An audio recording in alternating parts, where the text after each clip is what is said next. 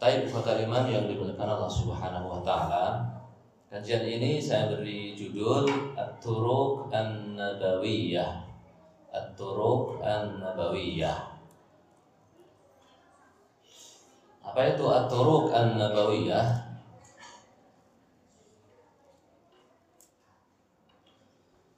Kalau kita lihat pakar usul fikih pada zaman terdahulu dari zaman Imam Asy-Syafi'i serta pakar-pakar setelahnya mengartikan serta mendefinisikan aturuk an-nabawiyah adalah semua hal yang tidak dilakukan atau ditinggalkan oleh Rasulullah Sallallahu Alaihi Wasallam. Baik karena hal tersebut memang ada pada masa Rasul dan tidak dikerjakan atau beliau tinggalkan karena belum ada karena belum ada Kemudian para pakar usul fikih kontemporer berbeda pendapat tentang turuk an-nabawiyah ini. Ada yang mengartikan bahwa turuk an-nabawiyah adalah hal yang terjadi pada masa Rasulullah Sallallahu Alaihi Wasallam. Selayaknya beliau melakukannya, tapi tidak beliau lakukan. Ini definisi yang diambil dari buku af'alun nabi wa dilalatuha 'alal ahkam karya Dr. Sulaiman Al-Ashqar. Terus kemudian sebagian ulama kontemporer lain mengartikan bahwa aturuk an-nabawiyah adalah hal-hal yang tidak dilakukan Rasulullah Shallallahu alaihi wasallam atau juga tidak dilakukan oleh para salafus saleh. Tapi tidak ada dalil yang melarang akan hal tersebut. Kelihatan nggak? Nggak kelihatan biar di, di setting lagi ya. Ini pengertian dari Syekh Al-Umari. Dan yang akan kita bahas adalah dua hal besar. Sekali lagi yang akan kita bahas adalah dua hal besar. Bab yang pertama adalah hal-hal yang tidak dilakukan oleh Rasul Sallallahu Alaihi Wasallam. Bab yang keduanya hal-hal yang belum ada pada masa Rasul Sallallahu Alaihi Wasallam serta konsekuensinya terhadap pengambilan hukum. Baik. Sebelum masuk kedua hal tersebut, bagaimana kita memastikan bahwa suatu hal tersebut tidak dilakukan oleh Rasul Shallallahu Alaihi Wasallam? Yang pertama, dengan keterangan tekstual dari para sahabat bahwa Rasulullah Shallallahu Alaihi Wasallam meninggalkan atau tidak melakukan suatu hal pada masa Rasul. Kata lagi yang pertama, dengan keterangan tekstual bahwa Rasulullah tidak melakukan suatu hal tersebut yang dinukil langsung oleh sahabat secara tekstual. Yang keduanya, kalau tidak ada teks dari sahabat bahwa Rasul tidak melakukannya, maka dengan cara kita cari nukilan-nukilan dari sahabat dan tidak kita temukan keterangan teks bahwa Rasul melakukan. Sama, berarti juga nggak menemukan nukilan. Kalau yang pertama kita temukan riwayat atau nukilan dari para sahabat Rasul tidak melakukan ini. Kata Rasul tidak mensolati orang yang mati syahid teks dari para sahabat. Jelas dari sahabat menyebutkan Rasul tidak mensolati orang yang gugur di medan perang. Atau nukilan dari para sahabat bahwa Rasulullah sholat Aid, Idul Fitri dan Idul Adha tanpa azan dan Ekomah jelas tekstual dari para sahabat. Yang keduanya kita teliti seluruh riwayat sahabat dan ternyata tidak kita temukan nukilan bahwa Rasul melakukan suatu hal. Berarti mangga Rasul juga tidak melakukannya. Nah, kedua cara di atas mengharuskan seorang meneliti semua hadis yang diriwayatkan para sahabat dan ketidaktahuan terhadap dalil bukan dalil. Jadi kalau ada seorang mengatakan tidak tahu dalil, ketidaktahuannya terhadap dalil itu bukan dalil. Apa enggak di sini? Si fulan nggak tahu dalil, itu bukan dalil. Si fulan tidak tahu dalil, bisa jadi fulan yang lain mengerti dalil.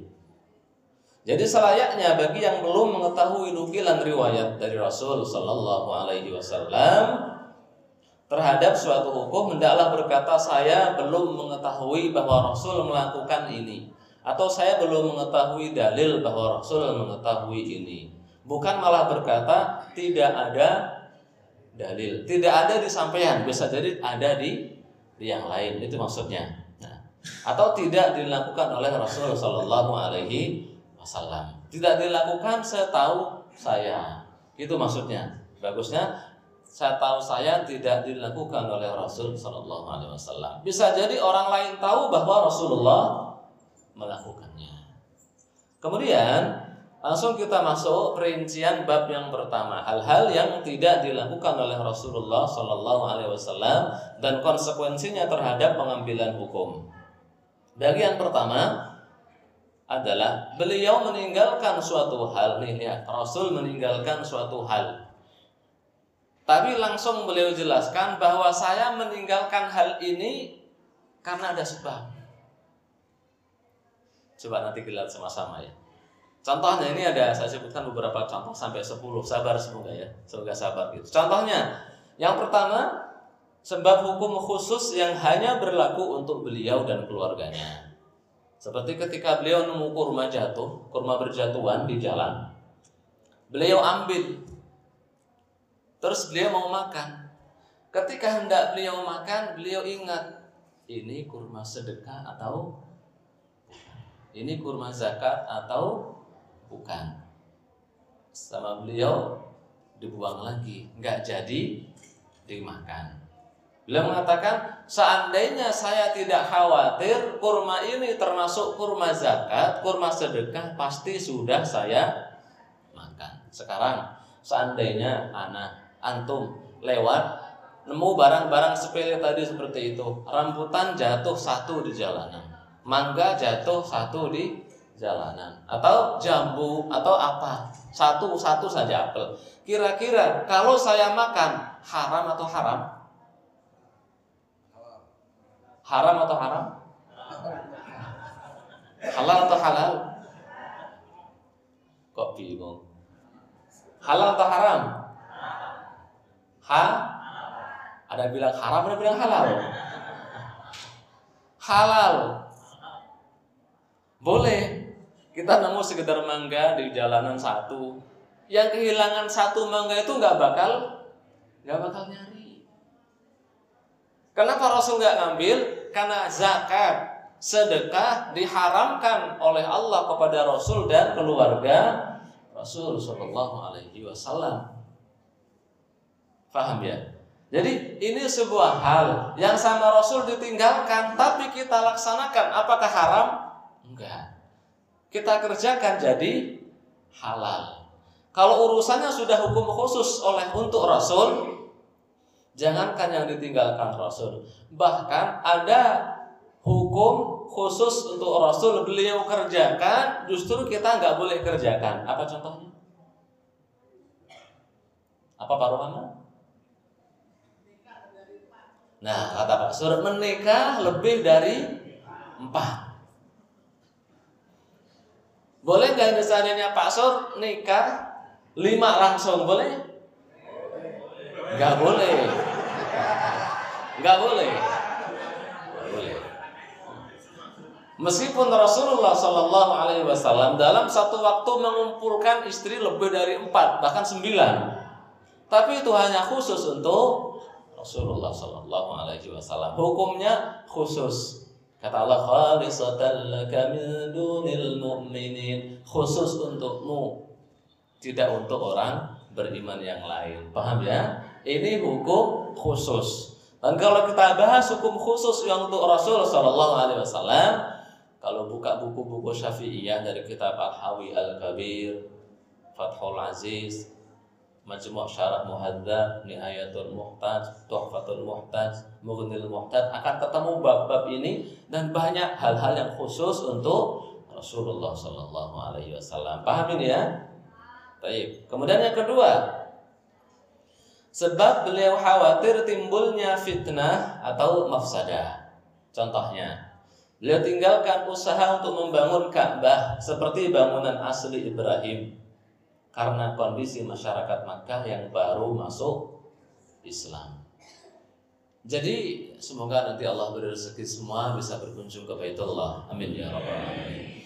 Jadi bangunan Ka'bah yang segi empat itu di samping salah satu sisinya ada kayak mirip setengah lingkaran. Yang kita kenal dengan istilah apa? Hijir ya. Ada yang namanya dengan Hijir Ismail. Kalau orang Arab kenalnya Hijir, masyurnya Hijir. Hijir itu sebenarnya bagian dari Ka'bah. Dulu ketika terjadi banjir bandang, namanya Mekah itu adalah lembah. Kalau terjadi hujan besar, ya apa airnya itu langsung menerjang Ka'bah itu. Kadang batunya hancur, hilang. Terus Hajar Aswadnya juga ke mana seperti. Nanti dicari lagi atau sudah diamankan, nanti dibangun lagi. Pas mau bangun, kafir Quraisynya kekurangan dana.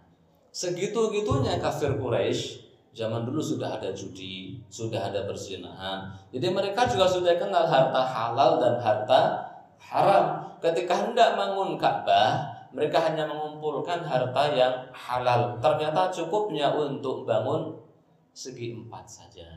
Enggak cukup untuk bangun yang mirip dengan setengah lingkaran itu. Akhirnya hanya dibangun segi empat. Dalam hadis riwayat Imam Bukhari, Rasulullah Shallallahu Alaihi Wasallam bersabda kepada Aisyah, seandainya kaummu nggak baru saja masuk Islam, pasti sudah aku rubah Ka'bah ini. Aku bangun lagi sesuai dengan pondasi bangunannya Nabi Ibrahim. Itu ditinggalkan oleh Rasul Shallallahu Alaihi Wasallam. Di seandainya datang khalifah, seandainya datang presiden yang menguasai Jazirah Arab, kemudian bangun Ka'bah dengan pondasinya Nabi Ibrahim ditinggikan seperti Ka'bah. Kira-kira haram atau halal? Hah? Halal atau halal? Pusing juga ya.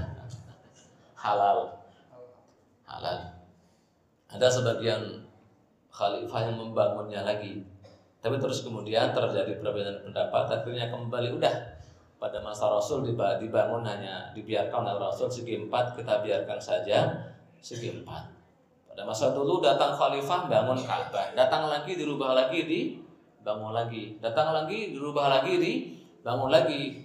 Bahkan ada dinasti Fatimiyah, saya ingat saya, nyuri Hajarul Aswad dibawa ke Mesir, dicuri itu berpuluh-puluh tahun, dicuri Hajar Aswadnya, sampai nanti berhasil direbut lagi dan dikembalikan ke, ke Mekah.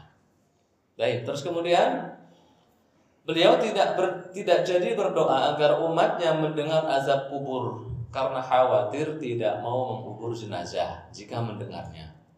Jadi beliau sempat berdoa agar kita semua dengar siksa kubur. Habis kita masukkan mayat ke kuburan, langsung dengar kalau dipukuli ya teriak-teriak. Kalau dijepit ya meraung-raung.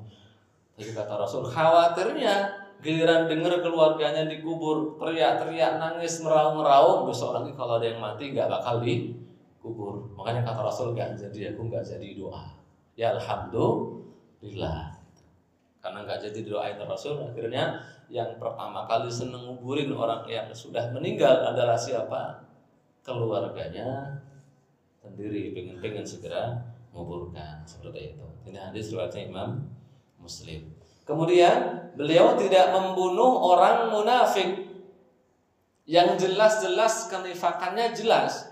Sahabat sudah usul, ya Rasul bunuh saja Abdullah bin Ubay bin Salul itu, dibunuh saja. Kata Rasul, enggak.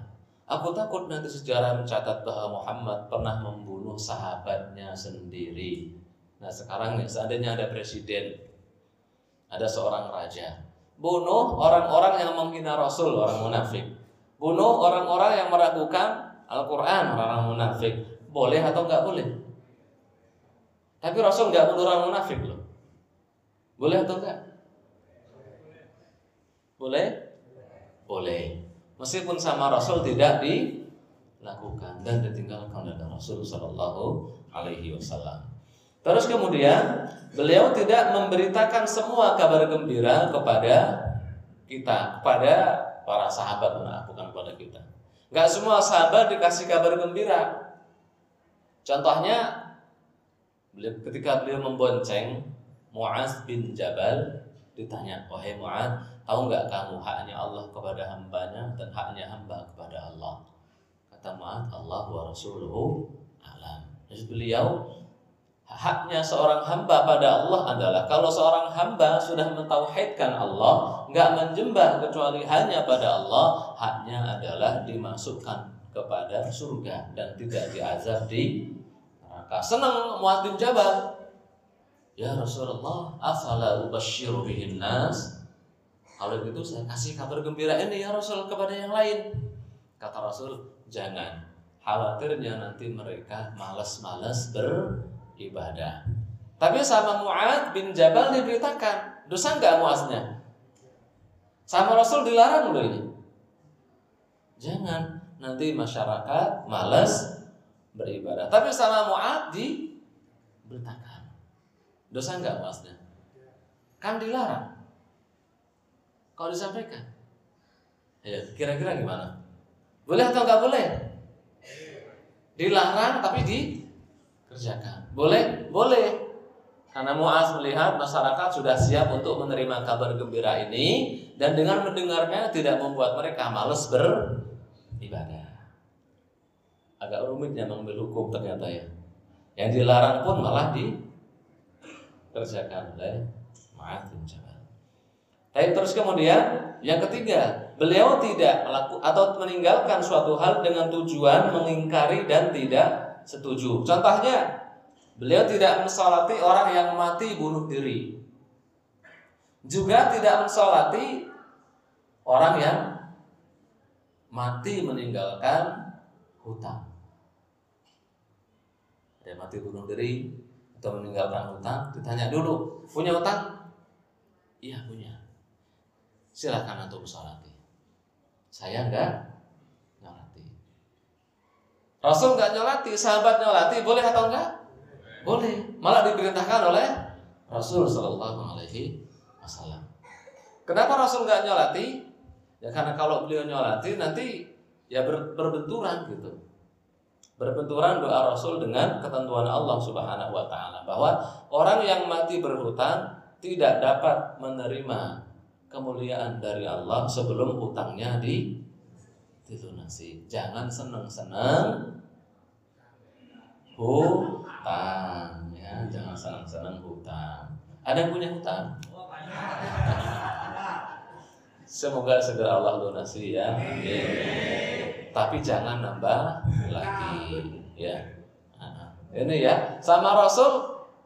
Rasul nggak mau tapi sahabat malah disuruh ya paham ya nah, seperti itu terus kemudian beliau tidak menjawab aduan empat sahabat yang mengadu tentang Ali bin Abi Thalib. Ini hadis dari Imam Tirmidzi. Di dalam satu kesempatan beliau mengutus satu pasukan dipimpin oleh Ali bin Abi Thalib untuk menyerang musuh. Setelah menyerang, ghanimahnya dibagi oleh Ali bin Abi Thalib dibagi langsung ke pasukan. Ali bagiannya dapat satu jariah, satu budak perempuan. Ada yang iri, empat orang iri ngadu langsung ke Rasul Shallallahu Alaihi Wasallam. Ya Rasul Ali gini gini gini gini. Sama Rasul nggak dijawab, biarin, ditinggalin. Datang lagi ngadu lagi ya Rasul Ali gini gini gini gini sampai empat kali baru Rasul marah. Ali itu seharusnya berhak mendapat lebih dari yang kalian sebutkan tapi nggak diambil. Sampai kata beliau, barang siapa menganggap aku pemimpin, maka Ali juga pemimpinnya dia. Karena yang menugasi Ali siapa?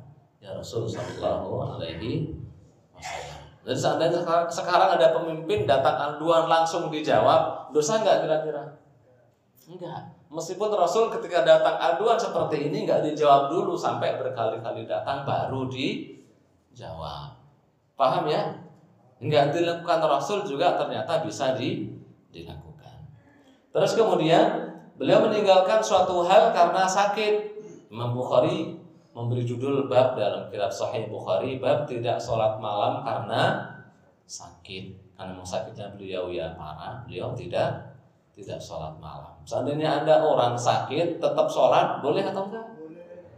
Meskipun Rasul tidak melakukan. Paham? seperti itu karena dijelaskan kemudian beliau tinggalkan suatu hal karena lupa ya namanya lupa ya seperti hadis Dzul Jadain dari Imam Bukhari Muslim pernah beliau sholat asar dua rakaat tapi karena lupa terus kemudian beliau tinggalkan suatu hal hanya karena tabiat sebagai manusia seperti dari Imam Bukhari Muslim pas beliau mau makan disuguhkan daging biawak biawak Arab disebut dengan istilah dop dop dop ini bentuknya kayak buaya kalau biawak kita kan kayak kadal gede ya. Nah, kalau biawak Arab kayak buaya kecil. Jadi ekornya bergerigi kayak buaya gitu. Cuma makanannya bukan daging, melainkan tumbuhan. Makannya tumbuhan. Kalau biawak kita makanannya daging. Disuguhkan kepada Rasul SAW disebut, ya Rasul ini daging, so, nggak jadi dimakan. Di situ ada sahabat Khalid bin Walid. Kata Khalid, haram ya Rasul? Enggak. Lah terus kenapa enggak dimakan? Aku enggak pernah makan dari kecil, enggak aku temukan di di lingkunganku. Ya enggak bisa makan. Ini Rasul enggak makan rob. Seandainya ada yang makan haram atau haram? Halal. Beliau sendiri yang bilang, karena saya nggak bisa saja makan gitu. Sama beliau nggak makan bawang mentah. Pas bermalam di Abu Ayyub Al Ansari, besoknya disuguhi makanan ditaburi irisan bawang mentah. Sama beliau nggak dipegang makanannya itu dibiarin. Ditanya ya Rasul, kenapa nggak dimakan? Gitu. Kata Rasul nggak nggak nggak demen dengan bawang mentah ini. Saking nggak demennya beliau, beliau bersabda, barang siapa makan bawang mentah jangan deket-deket ke masjid kami. Sekarang seandainya Pak Subandrio lalap bawang mentah, haram atau haram? Hah? Halal ya. Meski Rasul tidak mau makan. Paham ya di sini ya? Mulai mulai tergambar ya, mulai tergambar. Nah. Terus kemudian beliau tinggalkan suatu hal karena khawatir akan terjadi perubahan hukum padanya. Contohnya dulu beliau sholat taraweh hanya beberapa hari. Keluar pertama ada ada yang melihat ngajak temennya ngajak ayo ikut Rasul sholat. Hari kedua sudah tersebar, sudah ditunggu Rasul untuk sholat. Hari ketiga sudah penuh masjidnya, nunggu Rasul sholat. Hari keempat nggak keluar lagi. Terus ditanya ya Rasul kenapa nggak sholat? Kata Rasul, aku takut nanti kalau kita sholat lagi dijadiin fardu jadiin wajib hukumnya oleh Allah Subhanahu wa taala. Nah, sekarang DKM Masjid Al Ghani mengadakan sholat taraweh berjamaah setiap hari dari tanggal 1 sampai tanggal berapa? 29.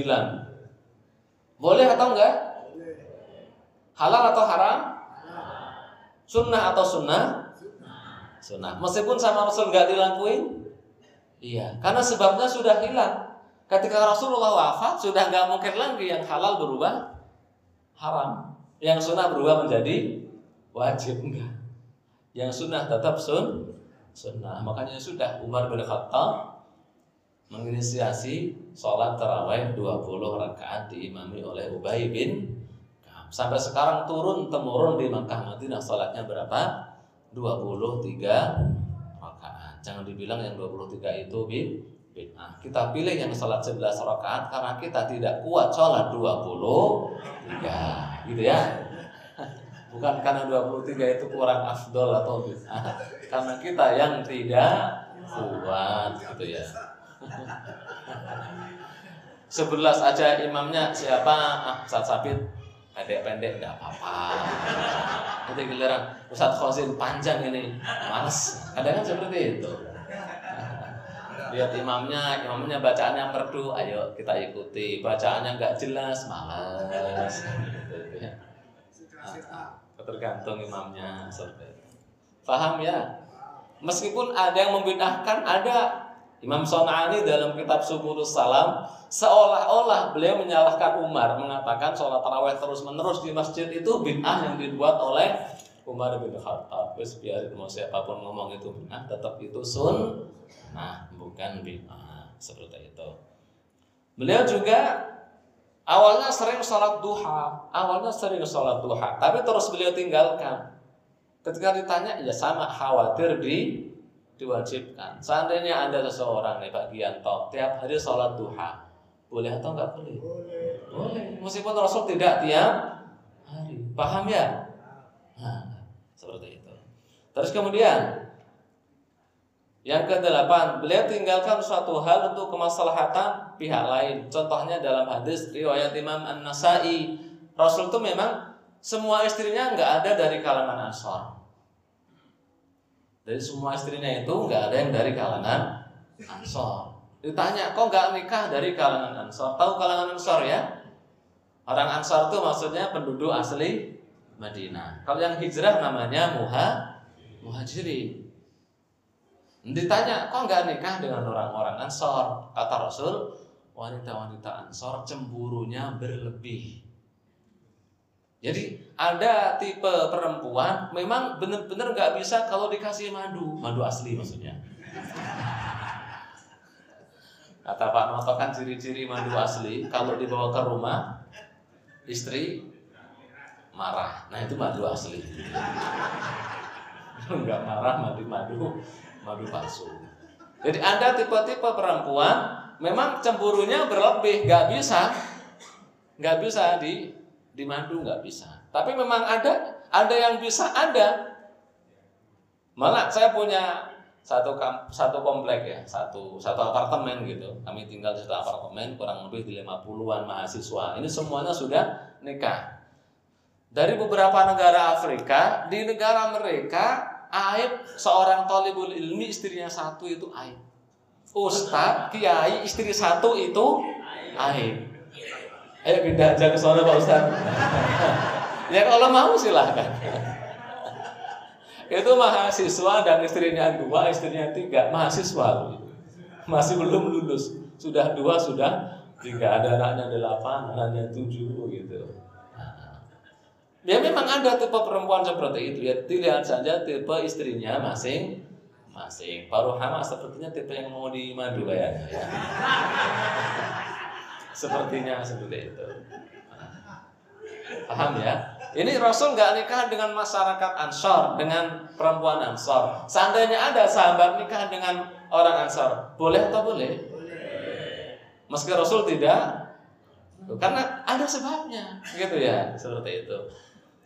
Baik, terus kemudian contoh lagi beliau juga hendak memanjangkan sholat dengar anak kecil nangis. Terus kemudian kata Rasul, akhirnya aku nggak jadi manjangin sholat kasihan ibunya. Seandainya yang mami kita usah sambil itu nggak peduli dengan anak kecil nangis, mau nangis mau apa terserah, sah atau nggak sholatnya? Sah. Oh, iya kan? Meski kalau Rasul di jadi dipendekin. Nah kalau sekarang memang sengaja anaknya dibawa ke masjid semua, kalau kalau lihat yang nangis ya semuanya nangis terus gitu.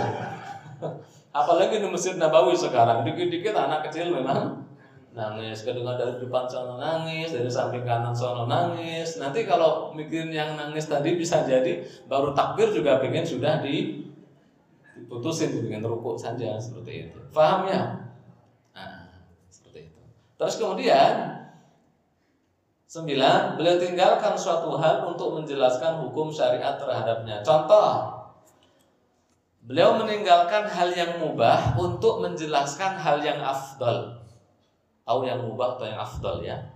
Mubah itu maksudnya yang boleh, yang afdol lebih utama. Contohnya, contoh, beliau sebenarnya biasa, biasa. Dalam Sahih Bukhari juga disebutkan pernah beliau, mohon maaf, ini bahasa untuk yang sudah menikah sebenarnya ya jadi istri beliau sembilan, beliau pernah menggauli ke sembilan istrinya ini dengan sekali mandi. Paham Pak? Paham? Paham ya? Belum. Pak Tri belum paham. Lagi. Nah, jadi menggauli sembilan istrinya, nggak bareng-bareng gantian gitu maksudnya. Jadi satu rumah, satu rumah, satu rumah, satu rumah terus muter, terakhir baru mandi. Nah, suatu ketika beliau masuk tiap satu rumah yang menggauli istri terus mandi. Masuk lagi ke rumah yang lain gaul istri terus mandi. Terus setiap masuk ke rumah istrinya mandi, mandi, mandi sembilan kali. Ketika ditanya, kok kok mandi terus? Kan bisa sekali mandi gitu. Kata beliau, ini lebih baik, lebih ber, bersih. Bukan berarti kalau punya istri empat, empat tempatnya terus sekali mandi boleh atau gak boleh? Boleh. Cuma afdolnya setiap satu istri man mandi. Kok contohnya nikah poligami terus sih kok. ya biar antum melek gitu ya biar antum melek gitu biasanya udah pada sahur kenyang kalau enggak contoh yang itu biasanya pada merem gitu. Terus contohnya lagi yang yang kedua beliau tinggalkan hal yang afdol untuk menjelaskan yang mubah Contohnya, biasanya beliau ketika hendak mau sholat selalu wudhu. Sholat fardu maksudnya. Meskipun wudhunya belum batal wudhu. Mau sholat lagi, wudhu lagi. Mau sholat lagi, wudhu lagi. Pas Fathu Makkah, beliau pernah sholat beberapa kali sholat fardu hanya dengan sekali wudhu. Ditanya oleh Umar bin Khattab, ya Rasul, kok tumben? Sekali wudhu beberapa sholat kata Rasul sengaja gue lakukan. Am dan fa'altuhu ya Umar. Aku lakukan ini sengaja wahai Umar. Maksudnya biar tahu bahwa satu wudhu itu bisa untuk beberapa kali sholat fardu selama belum batal. Paham ya? Saat seandainya ada yang setiap kali apa mau sholat fardu wudhu boleh? Boleh atau satu kali wudhu untuk sholat isya atau untuk sholat isya subuh panjang kalian? Maghrib sama isya boleh? Boleh. Nah, boleh saling menyalah menyalahkan. Terus kemudian yang ke sepuluh beliau tinggalkan suatu hal karena ada hal yang menghalangi. Seperti sabda beliau seandainya anjing bukanlah umatnya Allah Seandainya anjing ini bukanlah umatnya Allah, pastilah akan aku perintahkan kalian bunuh semua anjing. Tapi karena anjing itu umat, maka bunuh sajalah yang warnanya hitam. Yang disuruh bunuh adalah warna hitam. Ini hadis riwayat Imam Tirmidzi. Terus contoh yang lain, lo bersabda, aku hendak melarang rilah. Rilah itu seorang suami menggauli istrinya dan istrinya lagi nyusui. Tahu Pak? Ibunya apa? Istrinya lagi nyusui anaknya terus di dikumpuli. Awalnya sama Rasul mau dilarang oleh Rasul Tapi ketika Rasul lihat orang Persia dan orang Romawi biasa melakukan hal ini dan tidak berbahaya bagi anak kecilnya, sama Rasul tidak jadi di tidak jadi dilarang seperti Baik, itu bagian yang pertama. Sampai bagian yang pertama ini, kalau mau ada pertanyaan, silahkan sebelum kita masuk bab yang kedua. Jam berapa? Jam setengah enam. Silahkan sebelum masuk bab yang kedua, hal-hal yang tidak ada pada masa Rasul Sallallahu Alaihi Wasallam. Fadal.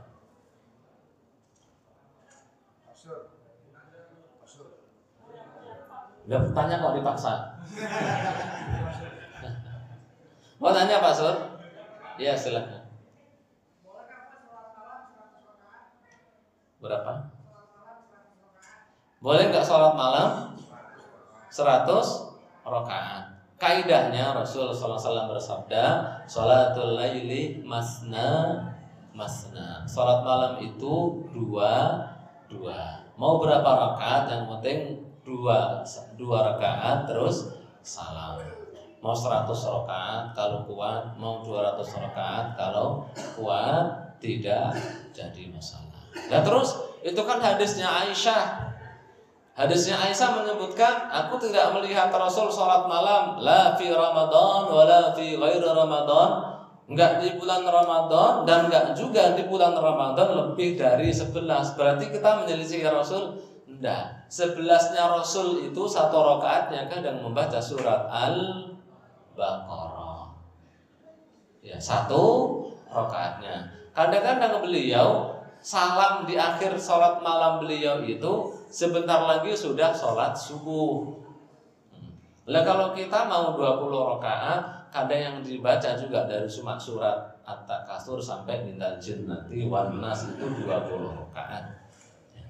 Tapi Rasul punya kaidah. Kita dikasih kaidah salatul laili masna masna. Salat malam itu dua dua. Nah itu riwayatnya Aisyah Rasul salat karena yusalli arba'an Rasul salat empat dalam riwayat yang Imam Muslim disebutkan empat itu maksudnya dalam dua rakaat salam setelah dapat empat rakaat istirahat sejenak digabungkan semuanya makanya yang dipraktekkan di Mekah dan Madinah dari zaman dahulu sampai sekarang namanya sholat malam itu dua salam dua salam boleh nggak kalau ada yang sholat empat baru salam jumhur ulama mengatakan hal ini boleh dan sah tapi afdalnya tetap dua salam. Imam Syafi'i mengatakan kalau sholat malam empat langsung salam. Kalau sholat selain sholat titir ya.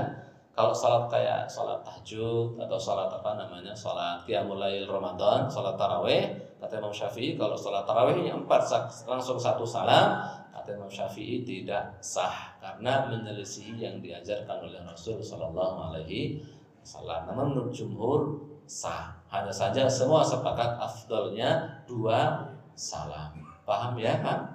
Mau 100, mau 200 juga boleh. Iya kan? Waalaikumsalam warahmatullahi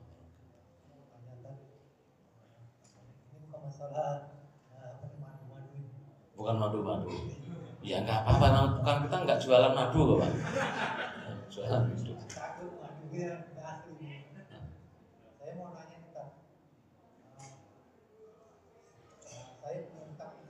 punya hutang. Tapi ketika saya hutang itu sudah lama, hmm. dan orangnya sudah meninggal, hmm.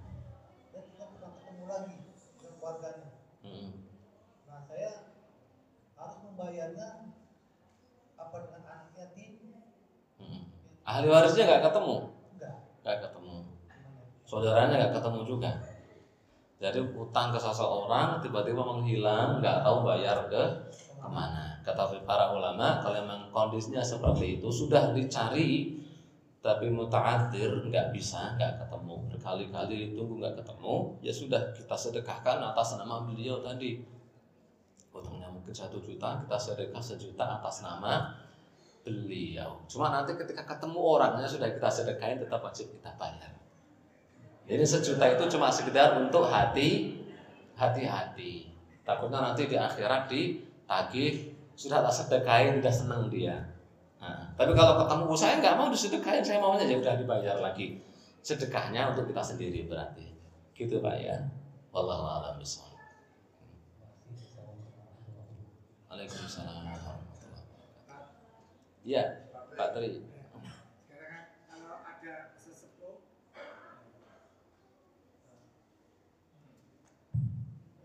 Assalamualaikum warahmatullahi wabarakatuh. Waalaikumsalam mohon maaf kalau sedikit vulgar untuk pihak cowok yang kira-kira hidupnya sudah dol itu biasanya kan diperbolehkan pakai pempes tak hmm.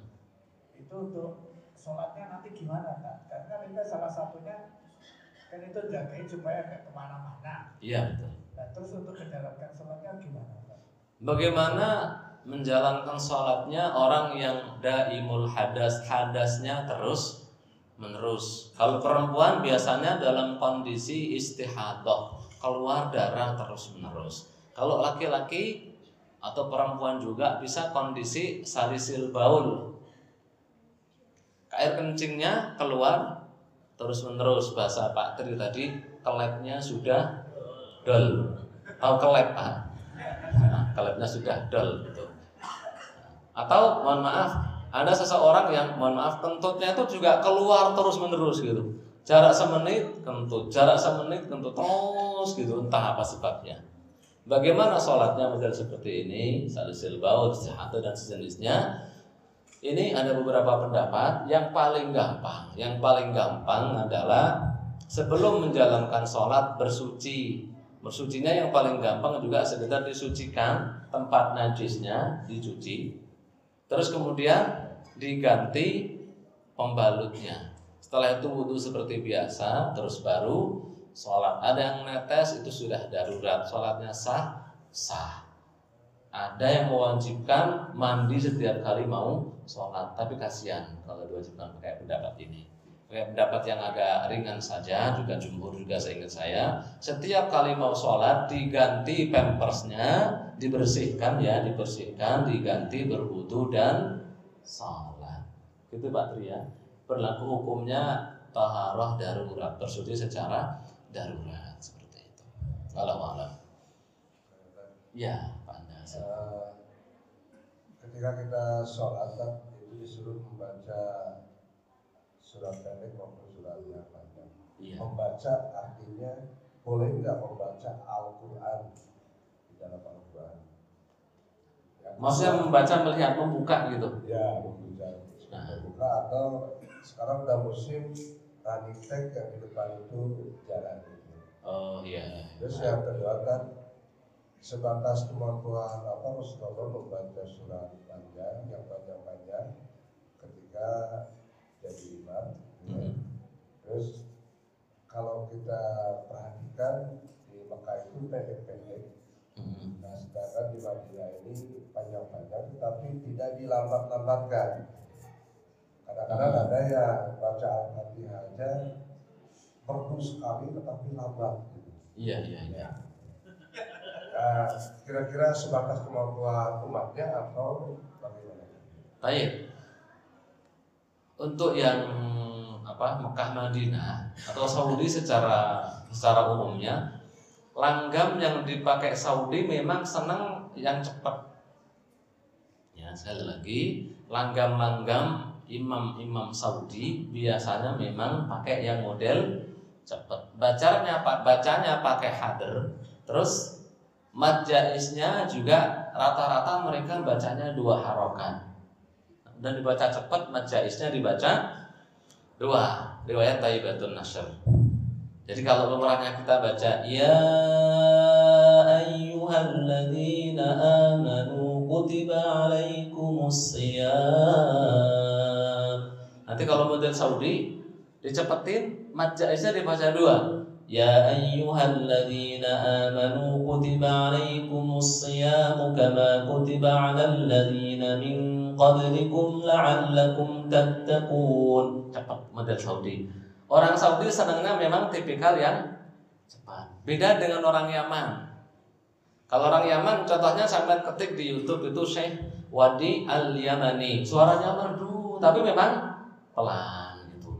Beda juga dengan tipikal orang Kuwait. Nah, kita ini imam-imam kita lebih seneng nyontoh yang dari Kuwait. Nah, kayak imam sini siapa? Mas siapa? Mas Habib. Ini contoh saya Musyari Rasid yang sering dicontoh saya Musyari Rasid. Kalau enggak contohnya ada saya Al-Ghamidi pakai nagam Al-Ajam. Kalau saya Musyari Rasid pakai nagamnya Kurdi. Nah, sering karena memang di Indonesia senang-senang yang merdu, merdu-merdu. Nah, untuk Rasul SAW, sholat panjang itu ketika sendiri, Pak. Sholat panjang kalau sendiri. Kalau jadi makmum, Rasul ngasih prinsip kita, dikasih kaidah iqtadu bi ad'afil makmumin. Seorang imam berpatokanlah kepada makmum yang paling lemah. Nah, kalau sampean juga merasa imamnya kepanjangan pas rukuk ngomong saja rukuknya kepanjangan. Kepanjangan pas sujud ngomong saja tapi jangan ngomong di depan orang pas sendiri. Afan Pak Ustaz Masya Allah luar biasa antum. Dipuji-puji dulu gitu kan. Dipuji-puji dulu. Mohon maaf ini ada masukan dari jamaah. Kalau sujud jangan panjang-panjang ada yang sudah tua kasihan gitu. Belum lama baru beberapa hari yang lalu saya di ya saya ada masukan gitu. Afan Pak Ustaz ada masukan dari mbah-mbah nenek-nenek katanya antum rukuknya kepanjangan oh iya ya sudah nanti kalau saya rukuk nggak dipanjangin karena setiap setiap masjid punya kebiasaan ber, berbeda juga seperti itu. Nah, ini sebagai tahadus lah saja. Ketika di awal-awal saya ngimami di Saudi, di awal-awal ngimami di Saudi, itu juga banyak masukan. Saya biasa pakai seperti orang Indonesia sholatnya gitu. Eh ada masukan, Afan, akhi, boleh nggak rukunya dipanjangin? Kalau di sono malah kurang panjang. Di sini kepanjangan. Nah, gitu. tahiyat itu loh, tahiyat juga itu ada yang ngasih masukan. Apa nahi? Boleh nggak tahiyatnya antum tambahin? Itu menurut anda pak udah panjang. Enggak kurang panjang. Kita pengen ada waktu doa yang lama. Ya sudah, kita juga baca doa yang semua doa kita baca gitu. Baru kita salam assalamualaikum warahmatullahi wabarakatuh. warahmatullahi seperti itu. Nah, jadi ya prinsipnya imam itu berpatokan pada makmum yang paling lemah. Tapi namanya kita juga orang baru. Mas Habib datang ke sini baru, nggak tahu mbah yang sholat sini siapa saja kan nggak tahu. Yang lemah siapa saja kan nggak tahu. Jadi ada masukan. Kalau yang panjangan, oh berarti sekian. Seperti itu. Gitu Pak ya terkait imam. Jadi kalau mau sholat panjang silahkan ketika sendiri puas-puasin. Mau sujud setengah jam boleh, boleh Ya, maksud satu jam boleh, berdiri dua jam boleh, boleh. Rasul berdiri sampai bengkak kepalanya. Kita bengkak mata lihat Real Madrid sama Liverpool menang mana?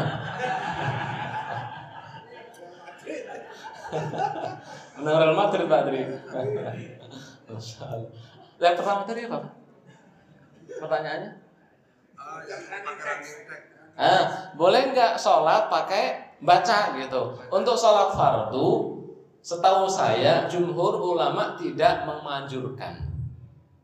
Maksud tidak membolehkan gitu.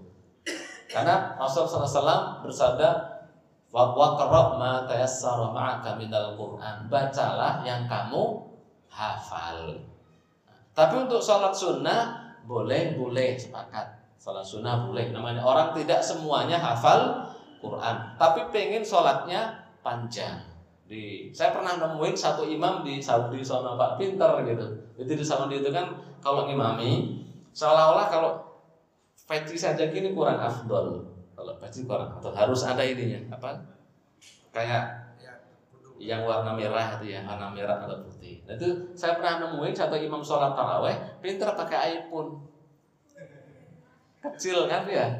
Ah, kecil. Jadi giliran berdiri langsung diambil dari sakunya dilihat gini dilihat sambil sambil baca nah, sah sah saja namanya juga enggak enggak hafid gitu ya enggak apa-apa sampai mau sholat lama di rumah pegang Quran yang kecil sambil baca atau pegang HP HP kan enak bukanya tinggal di digeser. Cuma tolong ya pas apa pas sholat dipakai mode pesawat biar gak ada yang nelpon.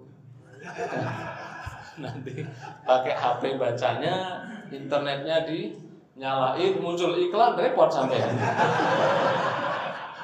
Ya, pakai mode pesawat, jadi enak baca HP seperti itu, baca Qurannya. Itu pak ya, boleh, insya Allah boleh Silakan ada lagi. Ibu-ibu ada lagi. Ibunya nggak pernah nanya. Ada, silakan. Bapak-bapaknya lagi kalau ada, tafadhol. Udah capek Pak Ustaz, udah mau jam 6 gitu.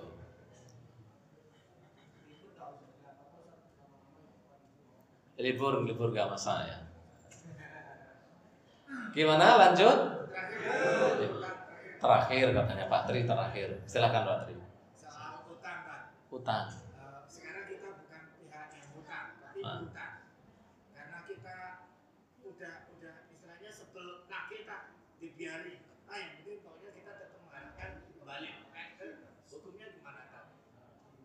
Masa kita ngutangi orang, terus? Yang ngutang double kan? Kita double. Sampai kita nagih pun segen jadinya. Kadang-kadang yang ngutang itu lebih galak daripada yang ngutangi bener ya. kadang iya. kadang yang ngutang itu lebih galak ditangki itu malah marah-marahi yang yang nagih kadang. Makanya ada ada ada solusi. Ya ayyuhalladzina amanu idza tadayantum bidainin ila ajalin musamman faktubuh Hai orang-orang beriman Kalau kalian mengadakan perjanjian transaksi utang piutang Maka catatlah. Catat kurang Kalau mengutangi pakai barang jaminan. Ya Farihanum Pakai jaminan yang dipegang. Kalau yang diutangi males bayar Hobi ngutang gak hobi bayar, jadi tinggal agunannya tadi kita jual. Ini yang dipraktekkan paling di bank ya. Orang bank nggak mau ambil resiko, ada yang mau utang, di sini punya agunan berapa gitu. Agunannya apa? Gitu. Sampai orang nyicil rumah yang diagunkan pun rumahnya itu yang dia cicil jadi jadi agunan nanti kalau nggak nggak mau bayar nanti rumahnya di banknya tidak mau ambil resiko. Boleh nggak kita berharap? Ya boleh karena memang itu hak kita. Boleh kita tagih, boleh. Jangankan ditagih, dituntut di mahkamah pengadilan pun boleh, Pak. Karena itu hak kita. 100, 200 ribu gampang ikhlasin 100 juta. Mungkin sulit ikhlasin. Apalagi sudah 1 M, 2 M, disuruh tangki malah lebih galak, dituntut boleh? Boleh. Memang itu hak kita. Dan kaidahnya hukukun nas mabniyun 'alal musyahah. Hak antar manusia memang berprinsip saling diminta. Beda dengan hak pada Allah. Kalau hukukullah mabniyun 'alal musamahah. Kalau hak kita pada Allah, Allah Maha Pemurah, Maha Pengampun. Mudah diampuni, tapi kalau manusia enggak hukumnya harus tetap dibayar. Jangan gampang-gampang ngutang kalau tidak mau bayar. Tolong rajin bayar ya. Nah, seperti itu. Tapi yang paling bagus jangan punya kebiasaan ngutang. Ya Bu, nggih? Alhamdulillah. Ada lagi silakan. Ya.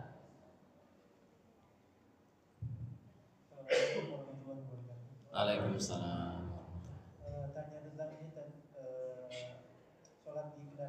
Sholat di kendaraan. Um, apakah ada tuntunannya? Terus kemudian di sholat di kendaraan itu apakah berlaku jamak dan kosong? Tayyib. Assalamualaikum Untuk sholat sunnah, seluruh ulama sepakat boleh sholat sunnah di kendaraan. Dalam hadis sahih Bukhari dan yang lain-lain disebutkan, Rasul ketika hendak sholat sunnah, beberapa kali naik unta. Awalnya untanya dihadapkan kiblat, terus beliau takbir. Setelah itu beliau sholat di atas unta. Dan untanya mau menghadap ke mana pun beliau udah bebas nggak masalah. Jadi untuk sholat sunnah semuanya sepakat boleh sholat di kendaraan. Bagaimana dengan sholat yang fardu atau sholat yang wajib? Belum dinukil Rasulullah Sallallahu Alaihi Wasallam. Ini sudah penelitian penelitian oleh ahli hadis. Saya belum pernah baca semua hadisnya, tapi ahli hadis menyebutkan belum dinukil bahwa Rasul sholat wajib di atas kendaraan. Akhirnya para ulama menyimpulkan bahwa jika kendaraannya model seperti mohon maaf sepeda, sepeda motor atau mobil yang model kecil seperti itu, maka diwajibkan turun untuk melaksanakan sholat fardu atau sholat wajib tidak diperkenankan sholat wajib di atas kendaraan seperti motor sambil nyetir motor nah, atau mobil sekedar mobil Avanza, Xenia seperti kecil seperti itu. Tapi kalau kendaraannya besar seperti kapal laut gede, boleh, boleh. Karena emang gede, masjid ini kan ada kapal laut, bahkan lebih dari masjid ini ada. Di pesawat boleh, boleh karena memang gede seperti itu. Nah, dipahami Pak ya. Kalau yang kendaraan kecil disuruh turun. Orang menyuruh turun untuk sholat di masjid seperti biasa. Kalau nggak di masjid yang penting di mana deh? Nggak di atas kendaraan. Ini masuk bab yang ditinggalkan. Nah, bab yang ditinggalkan tapi mutlak. Ini bab yang kedua masih bab masih yang bahasan yang pertama jenis yang pertama dijelaskan karena sebab ada yang ditinggalkan karena tidak tidak ada sebabnya model tadi itu. Walau alam, walau bisa. Dipahami Pak ya? Jadi saya memakai pendapat yang tidak membolehkan sholat di atas kendaraan kalau kendaraannya kecil. Kalau kendaraannya besar, model bis kan besar dan tidak ada tidak ada kesempatan kita untuk berhenti baru di situ kita sholat karena darurat nggak ada lagi. Lawalam Nah boleh nggak dijamak di kosor? Ini berlaku ketika memang perjalanan, hukumnya dia perjalanan. Safar tetap berlaku hukum jamak dan kosor. Boleh dijamak? Boleh. Tapi kalau cuma dari sini ke Jakarta, tidak boleh. Jumhur mengatakan tidak, tidak boleh. Itu belum bentuk safar. Safar menurut jumhur ulama adalah jarak yang kalau dipakai kilometer kurang lebih 80 kilometer sekali jalan, bukan PP. Sini Bandung berapa Pak? 100 lebih. Nah boleh sudah. Sudah jamaah atau pasal di tengah perjalanan. Enggak disyaratkan harus lewat 80 dulu enggak. Yang penting tujuan kita lebih dari 80 kilo. Ketika kita sudah keluar dari daerah kita sudah diperbolehkan mengkosor seperti itu. Paham Pak ya? Iya, iya. Iya.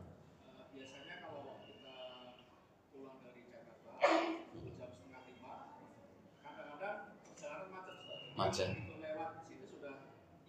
sudah isya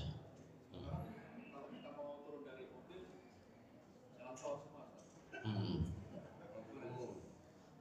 ya pulang dari Jakarta jam setengah lima naik bis macet. Sholat juga gak mungkin kan?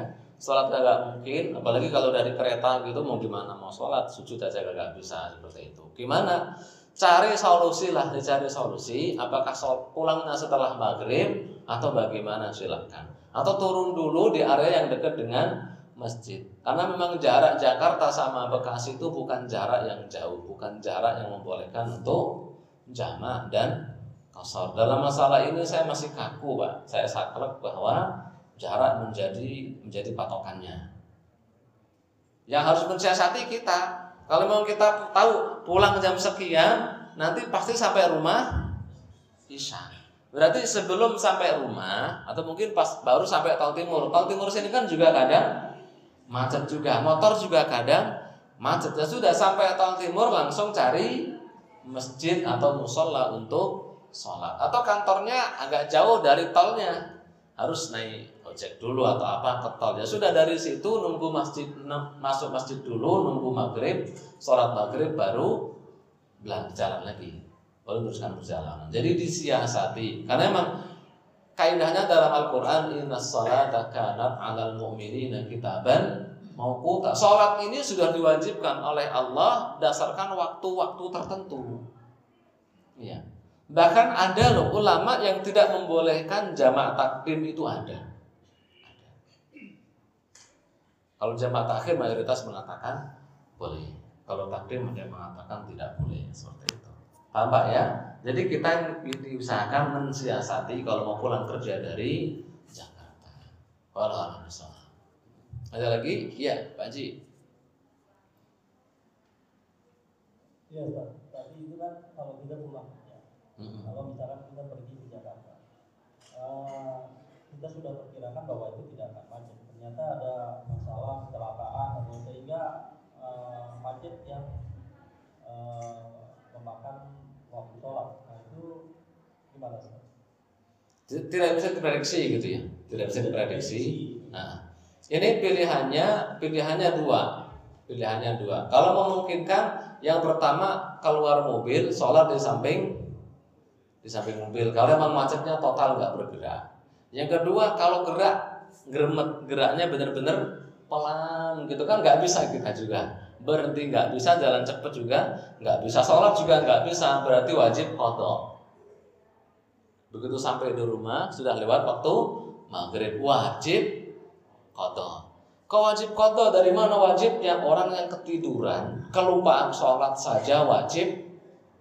Dan ini tidak kelupaan dan tidak ketiduran lebih wajib mengkodoknya. Pakai kias aula dalam usul fikih. Gitu Pak Haji ya. Lanjut dulu sebentar ya, lanjut dulu sebentar. Bagian kedua, hal-hal yang ditinggalkan Rasul dan tidak dilakukan oleh Rasul tanpa penjelasan. Enggak, tadi kan enggak dilakukan tapi dijelasin sebabnya. Yang kedua ini Rasul enggak melakukan. Tapi sebabnya enggak dijelaskan. Memang enggak dijelaskan, tapi para sahabat tabi'in, para ulama bisa mencari kira-kira hikmahnya apa bisa sebenarnya. Nah, contohnya apa? Contoh yang A, beliau tidak memandikan dan mensolati syuhada. Orang yang mati syahid langsung dikuburkan. Langsung dikafani, langsung dikuburkan. Tidak perlu dimandikan, tidak perlu di salatkan. Meskipun khilaf di antara ulama apakah perlu sholat atau tidak, tapi jumhur mengatakan dalam masalah yang mutlak Rasul meninggalkan suatu hal tanpa dijelaskan sebabnya, sebaiknya kita teladani. Jumhur mengatakan ya sudah, tidak perlu kita sholatkan dan tidak perlu kita mandikan. Kenapa nggak perlu dimandikan? Karena seorang suhada nanti dibangkitkan darahnya akan berbau wangi, harum darahnya itu. Kenapa nggak perlu disolati? syuhada lebih mulia daripada yang mensolati. Iya kan? Syuhada sudah dijamin masuk surga. Yang mensolati belum belum tentu seperti itu. Itu hikmahnya.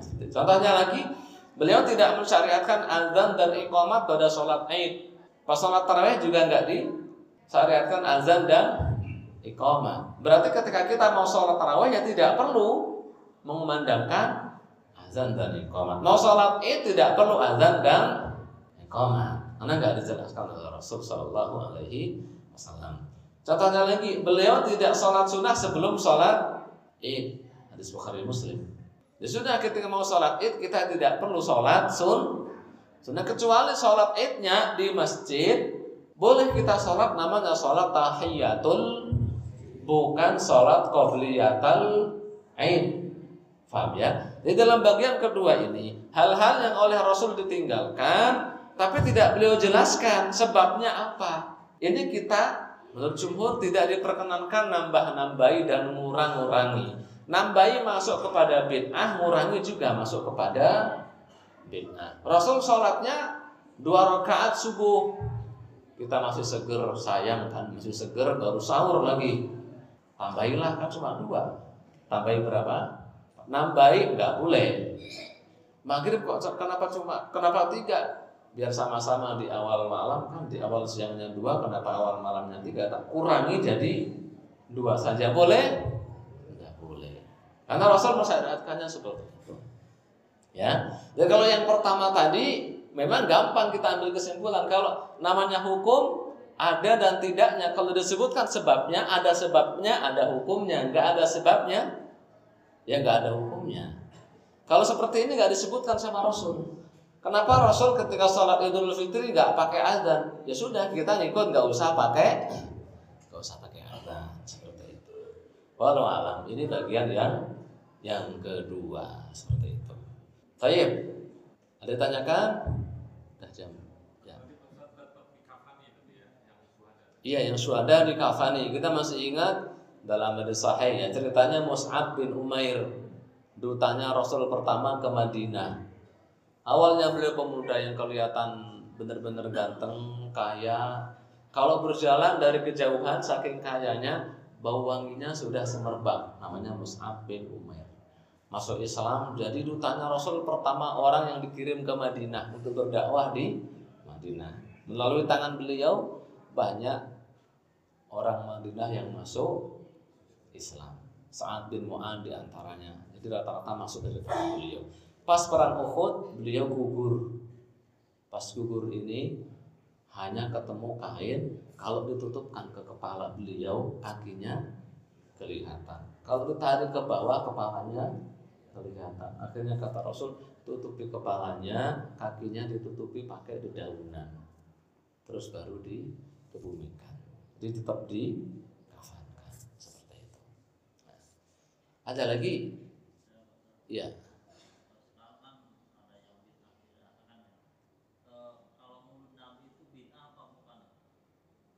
apa itu? Oh, maulid ya, akhirnya mulut Nabi kok mulut Nabi kok. ya. Ini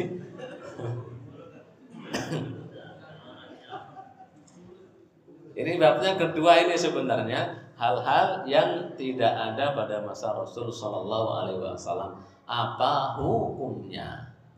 bab yang kedua ini. Spesifik terkait maulid dilakukan Rasul enggak. Sahabat Enggak. Tabiin? Enggak. Tapi terus kemudian ada, ada. Pada masa siapa adanya khilaf itu. Yang pro mengatakan yang mempopulerkan adalah Sultan Salahuddin Al-Ayyubi. Yang pro terhadap maulid.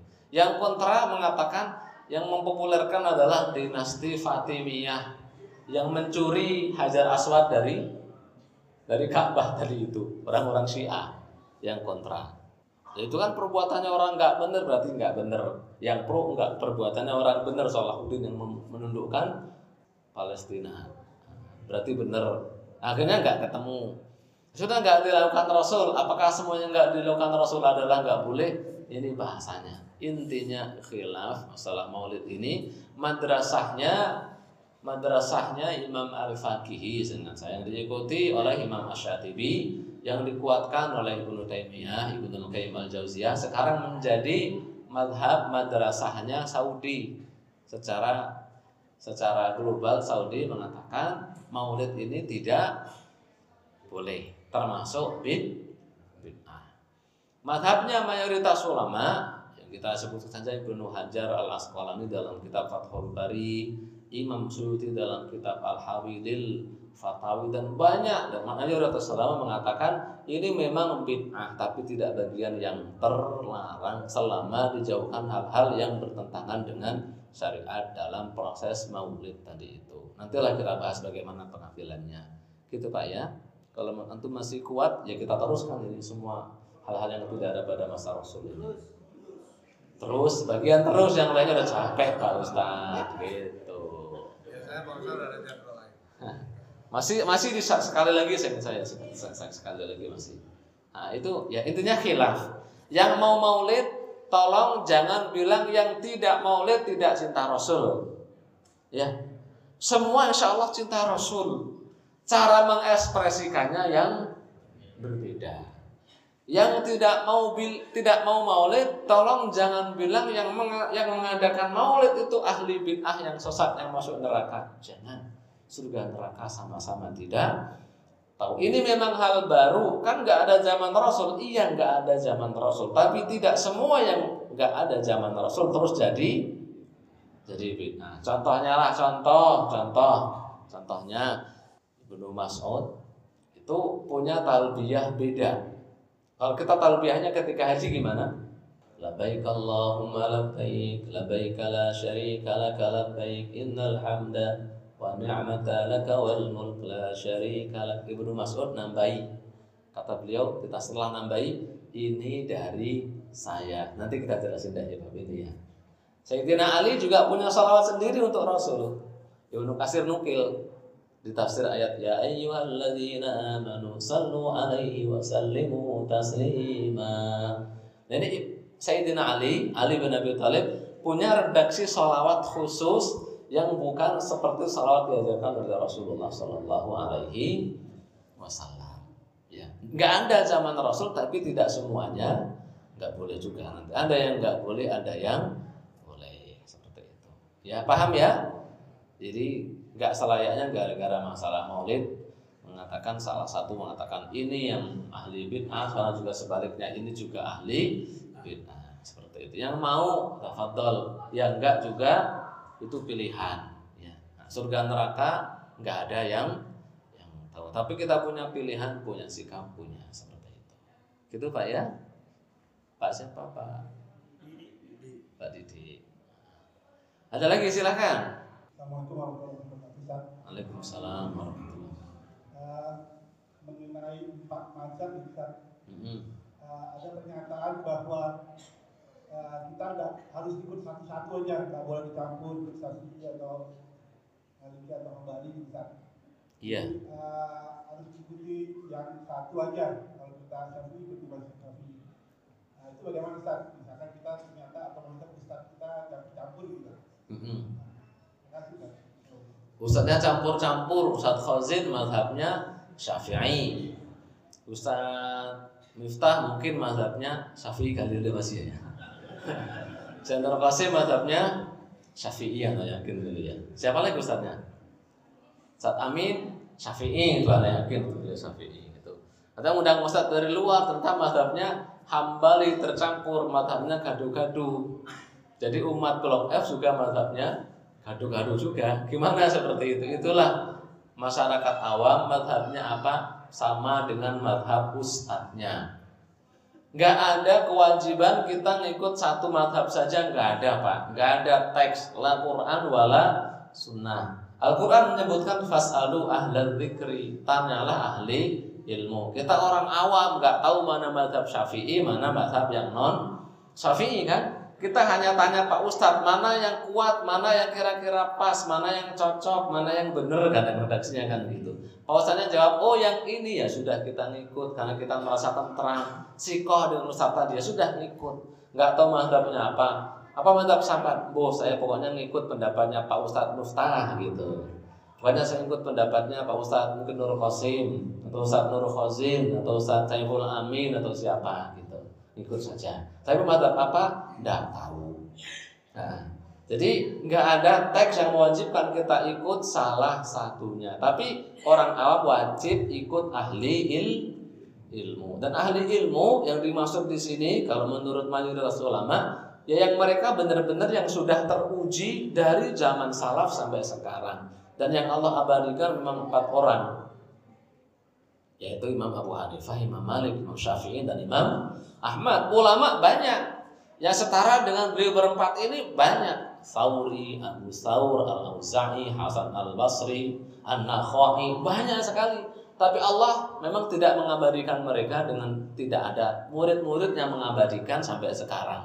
Kalau madhab syafi'i banyak-banyak sekali. Sampai sekarang ulama syafi'iyah banyak.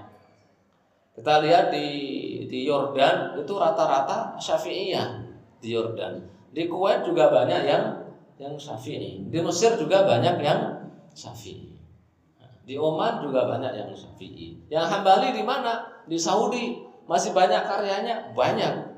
Malah kemarin keluar satu kitab khusus namanya Mufradatul Hanabilah.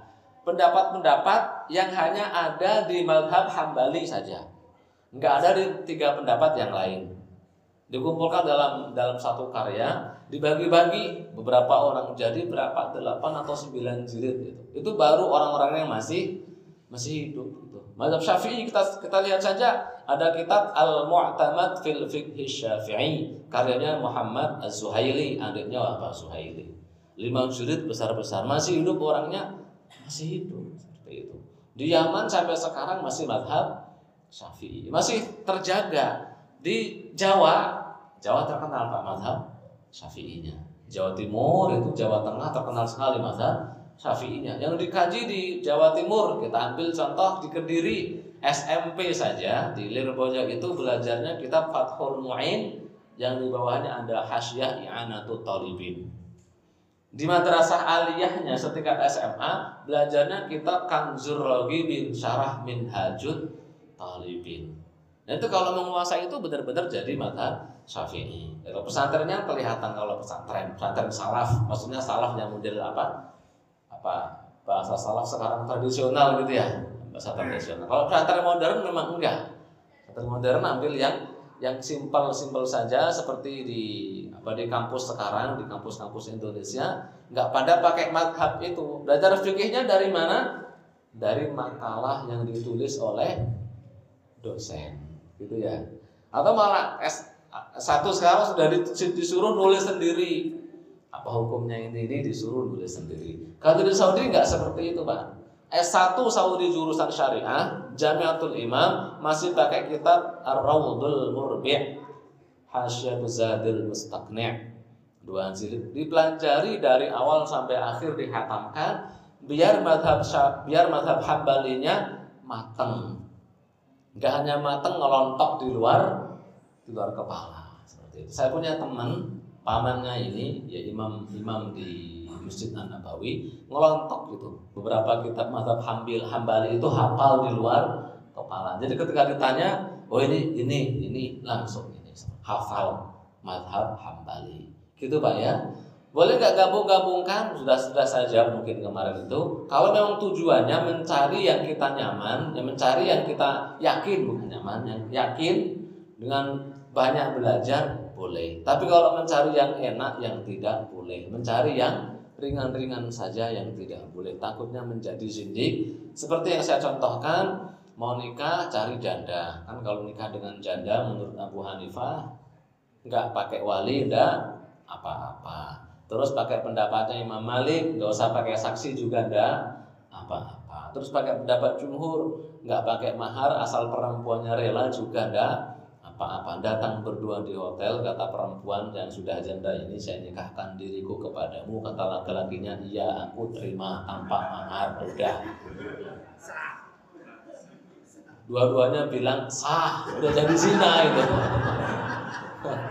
Jadinya zina bukan nikah. Seperti kalau cari yang yang gampang-gampang saja. Itu. Gitu Pak Novi ya Nah, jadi bagusnya ketika belajar fikih, memang itu, ini sebaiknya juga kita bahas gitu ya. Bagaimana kita belajar fikih? Ulama zaman dahulu sampai sekarang dari generasi ke generasi memang awal belajar fikih itu satu mazhab. Dari zaman dulu sampai sekarang yang mu'tabar yang diakui keilmuan fikihnya pasti mereka yang belajar fikihnya berawal dari satu madhab dengan jelas syekhnya siapa, gurunya siapa, sekolahnya di mana. Anggap madhab syafi'i. Belajar dari yang kecil dulu. Matan ghayatul takrib. Terkenalnya matan takrib. Kecil Pak. Udah saya terjemahkan juga ini sebenarnya. Terus kemudian sarahnya yang diringkas namanya Fathul Qorib. Berinjak ke sarah agak besar namanya Kifayatul Akhiyah. Setelah saya ini baru ke namanya kitab Fathul Mu'in Hasyiah Anatul Talibin. Saya ini baru kitab Minhajut Talibin, boleh sarahnya Kang Zurragibin, boleh sarahnya Muhnil Muhtad, Tuhfatul Muhtad. Sudah sampai sini sudah mengerti satu mazhab Syafi'i itu apa? Yang ada di mazhab Syafi'i dalam satu permasalahan apa? Contohnya, hukum sholat jamaah. Dalam mazhab Syafi'i ada tiga pendapat. Pendapat yang pertama hukumnya fardu ain ini adalah pendapatnya Imam Ibnu Khuzaimah dan Imam Ibnu Munzir dalam madhab Syafi'i sendiri fardu ain. Kalau nggak sholat jamaah dosa dosa. Hukumnya kedua hukumnya adalah sunnah muakkad. Ini jumhur dan mayoritas ulama Syafi'iyah. Pendapat ketiga dalam madhab Syafi'i sholat berjamaah hukumnya adalah fardu kifayah. Ini yang dikuatkan oleh Imam An Nawawi. Dan kemudian yang difatwakan sampai sekarang hukum sholat berjamaah adalah fardu kifayah. Seperti itu. Jadi dalam satu madhab kadang juga ada banyak pendapat seperti itu. Setelah menguasai hal ini, baru perbandingan madhab. Bandingkan madhab Syafi'i dan madhab Hambali. Madhab Syafi'i dan madhab Abu Hanifah dan madhab Maliki kita temukan dalam kitab Fathul Aziz, kitab Al-Majmu' Syarh Muhadzab, kitab Al-Hawi Al-Kabir dan kitab-kitab yang lainnya. Begitu juga di madhab Hambali, di madhab Maliki, madhab Hanafi sama, semua dimulai dari yang ke yang kecil. Yang jadi repot sekarang ini adalah kita kita yang dari kecil memang nggak pernah belajar ilmu fikih, ya, nggak pernah belajar ilmu fikih. Yang lain ngaji kita asik main bola dulu atau main gobak sodor atau main apa nerutus ke mana-mana nggak mau ngaji. Terus ambil sekolah juga jurusannya umum terus sadar pengen ngaji gitu. Akhirnya ambil buku yang gampang aja. Apa buku yang gampang? Fikih sun sunnah. Ya fikih sunnah ini karya Sayyid Samping bukan berarti yang ada di fikih sunnah itu semuanya kuat. Ya enggak.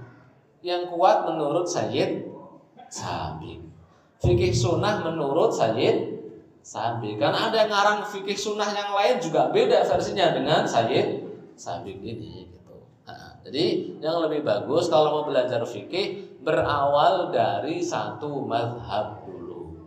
Nanti kalau ustadznya jelaskan dengan dengan luas juga dari awal juga dijelasin ini madhab syafi'i kalau madhab yang lain seperti ini jadi solusinya seperti itu paham ya ini ini sebenarnya masuk bahasan kedua ini ya sebenarnya juga. Ini anak anak sebutkan contoh yang di Indonesia sih nggak ada, tapi ada di Saudi ini.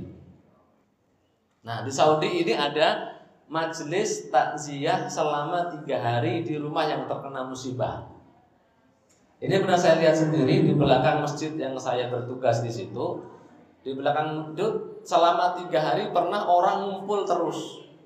Mengadakan kayak ya cara seperti itu selama tiga hari di, di rumah itu. Ternyata itu majelis takziah. Ini ulama Saudi pun untuk menyikapi yang majelis tiga hari ini ini berbeda. Enggak ada zaman Rasul semuanya sepakat enggak ada. Zaman dulu cuma datang terus kemudian ngasih ucapan bela sungkawa terus pulang. Sekarang di Saudi tiga hari modelnya, tiga hari open house buka buka rumah semuanya datang. Duduk agak lama nanti dari sore sampai kadang malam gitu. baru pulang jadinya majelis takziah selama tiga hari di Saudi ada ada terus yang kedua itu ada asyaul walidain asya itu makan malam makan malam al walidain untuk kedua orang tua yang sudah meninggal. Di Saudi ada ada. Dan masyurnya di bulan Ramadan. Dan Ramadan pada mengumpulkan tetangga, diajak datang ke rumah makan. Makan saja tapi kalau di sana makan aja. Ditanya apa ini dalam rangka apa? Asyaul walidain, makan malam orang tua. Ini ulama Saudi mayoritasnya mengatakan boleh. Mengatakan boleh mayoritasnya saya bin Bang, saya Jibril semuanya mengatakan boleh. Saya Usaimin sehingga saya mengatakan nggak boleh. Saya Abdul Al Mutalak mengatakan boleh.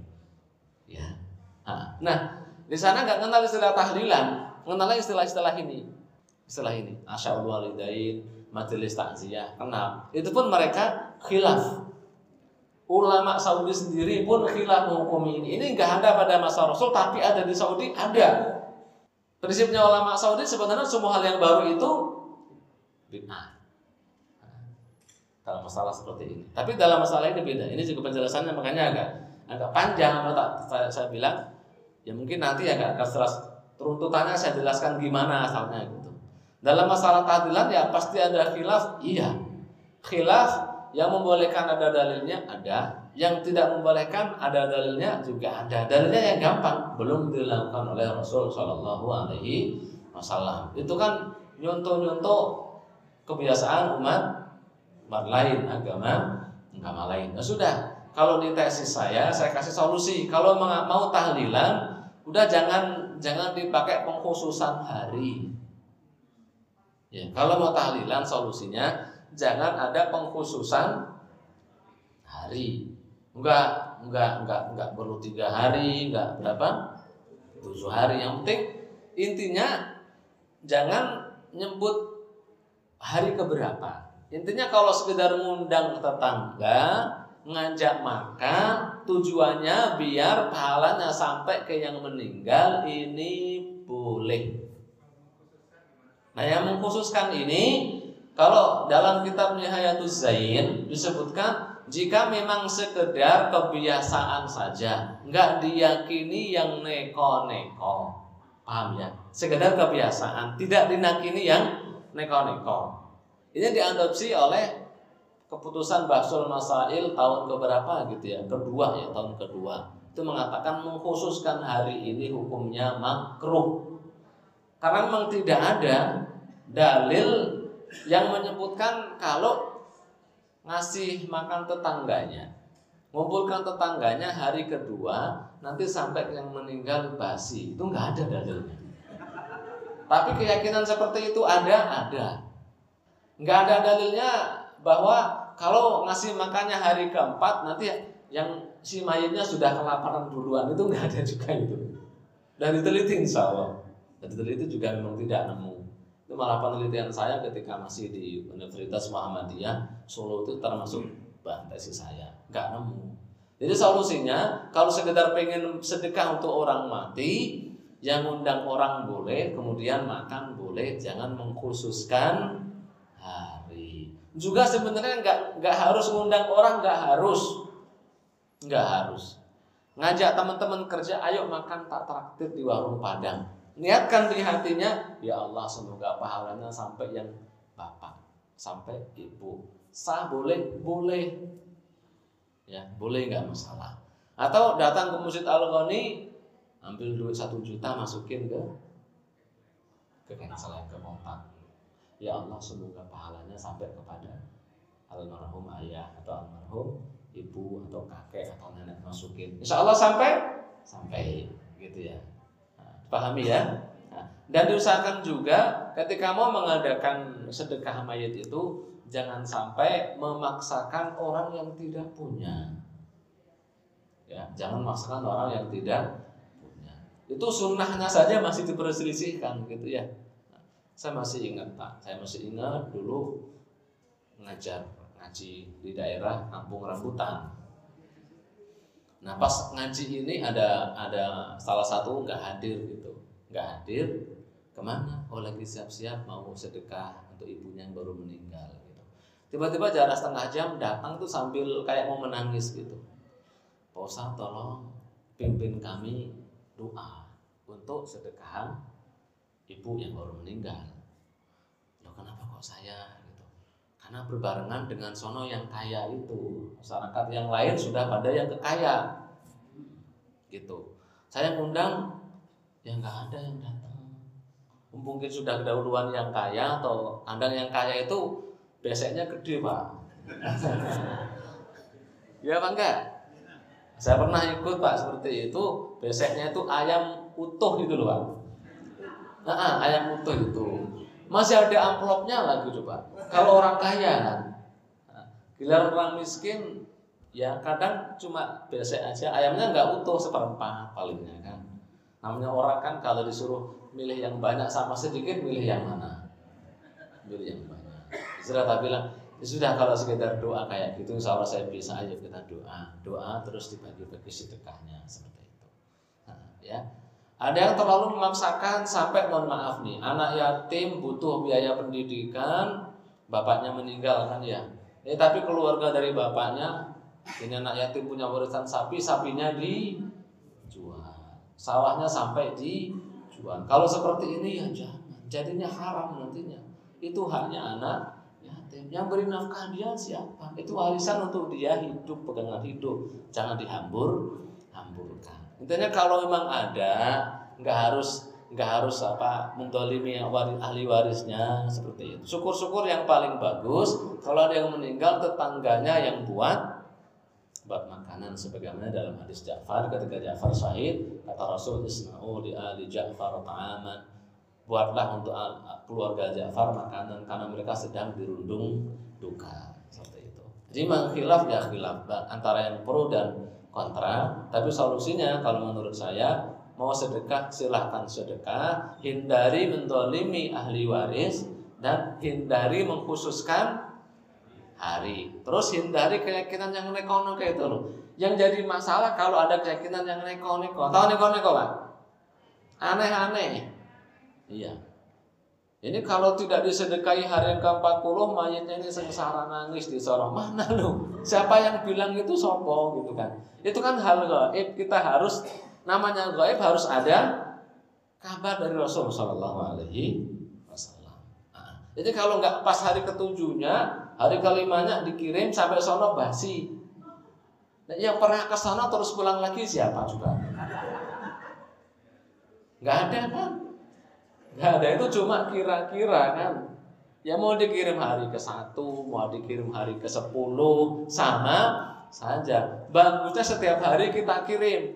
Kalau menurut jumhur ulama, bagaimana biar tiap hari bisa ngirim baca Quran, setiap sekali baca dihadiahkan pahalanya bagi yang sudah meninggal. Untuk menurut jumhur ulama ini boleh dan sampai sampai bahkan menurut Imam Ahmad bin Hambal sampai menurut Abu Hanifah sampai Imam Malik sampai. Imam Syafi'i justru yang mengatakan tidak sampai Imam Syafi'i sendiri. Tapi ulama Syafi'iyah ngikut yang jumhur akhirnya mengatakan sampai.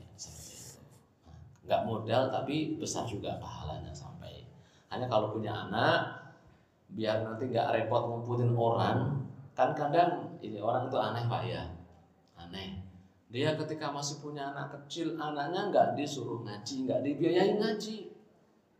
Bayar guru ngaji sebulan paling 100 ribu pelitnya, amin amin. Ya. Lagi liran mati, anaknya pengen baca Quran untuk bapaknya nggak bisa. Harus ngundang orang. Kalau ngundang orang modalnya besar nggak? Besar juga. Kadang sampai jual warisan. Kalau seperti ini kan jadi repot kita. Ya makanya masih anak-anaknya masih kecil di, dikasih pelajaran Quran disuruh ngaji di TPA al Goni. Insya Allah sampai mati anaknya bisa baca Quran. Gak harus mengundang orang seperti itu. Gitu pak ya? Iya.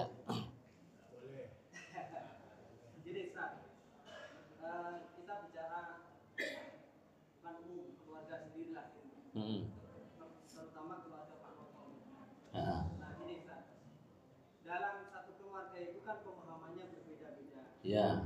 Lalu bagaimana sikap kita ketika misalkan adik saya dia kepingin yang seperti tadi tiga hari, tujuh hari, empat puluh hari. Uh-uh. Nah kemudian eh, saya sendiri punya pemahaman yang sudah dijelaskan seperti tadi, sepertinya nggak serak. Nah ini kadang-kadang kita jadi salah paham ya. gitu kan. Iya. Uh, saudara kita sendiri. Bagaimana sikap terbaik kita mm -hmm. ketika kita menghadapi saudara kita sendiri? Tayyib, tayyib. Maaf nih, bukan oh ini saudara kita sendiri, saya. Iya. Tayyib. Memang itu lumrah terjadi, Pak ya. Lumrah terjadi. Prinsipnya yang pertama gini, Pak. Kalau ingin menjelaskan masalah ilmiah, tempatnya di sini. Di majelis ilmu.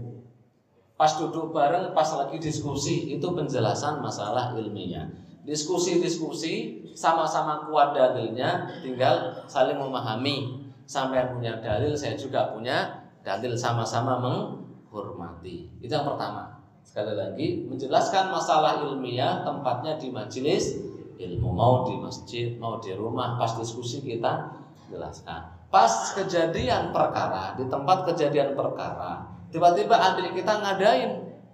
Dapat meninggal tiba-tiba adik ngadain hari ketiga ini kalau menurut kita mungkar, kita harus memposisikan ini mungkarnya disepakati atau tidak disepakati. Kalau mungkarnya disepakati, di situ kita tempat mengingkari. Mengingkari silahkan sebisanya mengingkari. Tapi kalau tidak disepakati di situ sebagian dan ini jumhur ulama berprinsip jika masalah-masalahnya tidak disepakati ijtihadiyah maka tidak perlu diingkari justru menimbulkan fit fitnah. Contoh, kalau saya jelaskan ke masyarakat tidak perlu mengadani yang meninggal. Kalau saya jelaskan di majelis ilmu tidak perlu. Dalilnya kias dan kiasnya kurang kuat. Itu yang saya pakai. Tapi ketika saya mengantarkan jenazah, ternyata ada keluarganya yang tiba-tiba ngazar, tidak, eh, jangan diazarin, jangan, jangan, jangan. Enggak, enggak, saya enggak bilang seperti itu. Wis biarin di diazamkan. Karena kalau kita bilang jangan nanti gini gini gini malah berantem.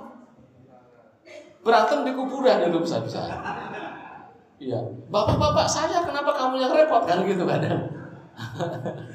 Jadi ya dua prinsip ini kalau dijaga insya Allah akur pak. Kalau dijaga. Jadi memang tiba-tiba andai kita ngadain ya sudah Nah, kalau kita diajak, kalau mau ya silakan datang. Kalau enggak, aduh saya ada acara, nah kan gitu. Meskipun lama-lama ketahuan itu nggak mau hasilnya mesti. itu nggak mau ketahuan nama-nama seperti itu. Jadi disiasati saja seperti itu. Tapi jangan ketika lagi tahlilan kita datang di sono ngajak berdebat banyak orang lagi acara ngajak debat, nggak di situ tempatnya di majelis ilmu? Pas lagi nyantai di rumah lagi duduk-duduk ngobrol ayo kita bahas ilmu diskusi punya sama-sama dari udah saling saling memahami saling menyikapi. Ya sudah kalau gitu kalau sampai ngadain tahlilan aku nggak datang nggak apa-apa. Nggak apa-apa mas. Gitu. Tapi sampai tak antar nasi dimakan iya tak makan. Gitu. Enak insya Allah seperti itu pak ya? Nah, sekali lagi punya prinsip ya jelaskannya jangan di tempat kejadian per perkara tapi di majelis ilmu. Allahu a'lam. Ya ibu-ibu.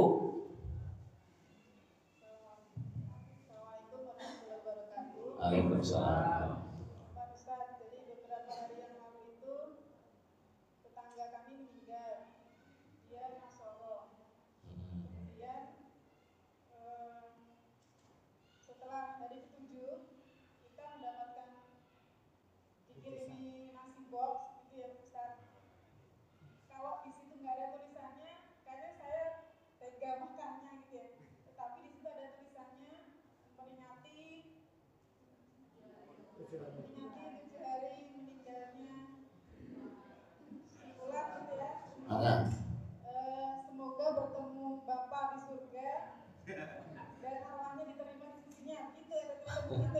Baru tahu saya ini.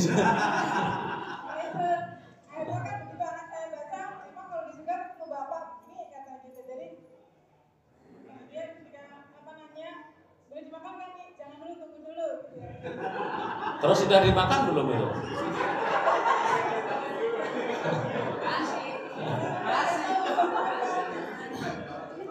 Ini unik ya, baru sekali saya dengar. Jadi orang mohon maaf, orang Nasrani meninggal kok yang kirim arwah juga gitu. Setahu saya biasanya kalau kalau mereka mereka meninggal disanggu dikasih sangu dari awal biasanya itu. Biasanya sebagiannya dari kubur itu ada yang dikasih sangu, dikasih duit gitu ya di dan sebagainya lah di awal-awal gitu, untuk bekal di sana. Ini kok kok beda ya. Itu kayak kayak kayak masyarakat tradisional ada dalam rangka tujuh hari.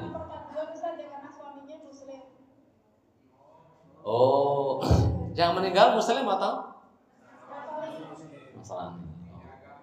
Uh, mungkin yang inisiatif ini suaminya kali ya yang inisiatif suaminya, tapi ini ijma ulama nggak sampai.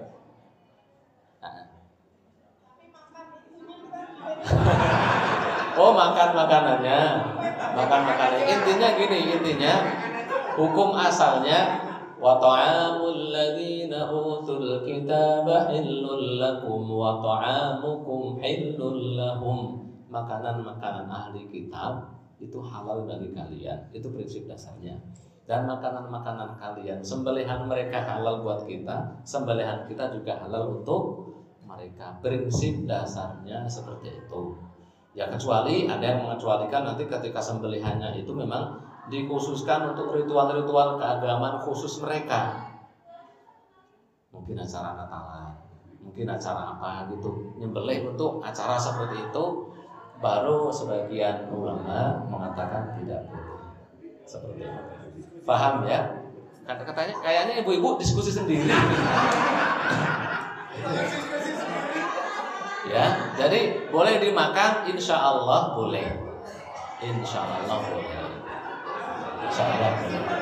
Tapi nggak sampai ke sono nggak sampai. Ya karena dikasih makanan halal halal, dia salah gitu, pasti salah gitu. Jadi Orang yang mati dalam kondisi non muslim itu bahkan jangankan sedekah, kita minta istighfar saja nggak boleh loh.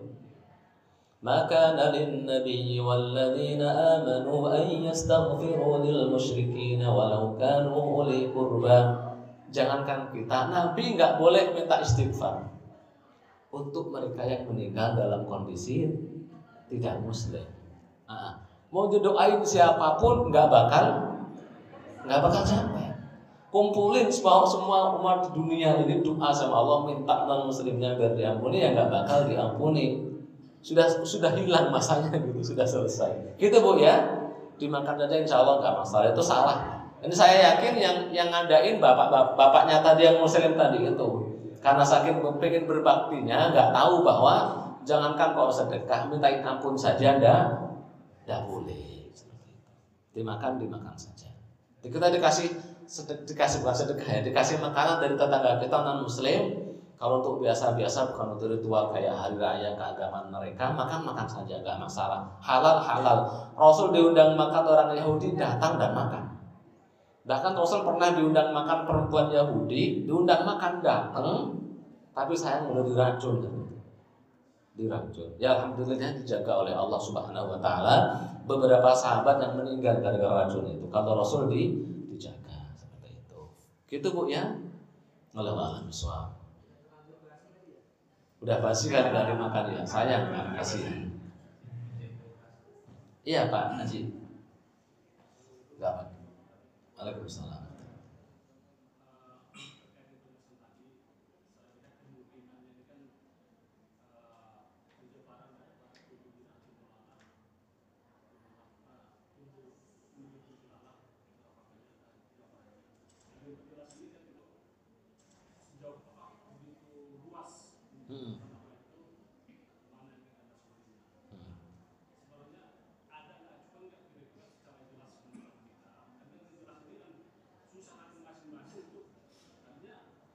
Itu nanti di kedua Pak, yang ini. Hal-hal yang tidak ada pada masa Rasul. Kalau yang tadi kita jelaskan, hal-hal yang ada pada masa Rasul, tapi sama Rasul tidak dilakukan. Ada tidak dilakukan atau beliau tinggalkan karena sebab yang pertama. Yang kedua, beliau tidak lakukan, tidak dijelaskan sebabnya. Itu bab besar yang pertama.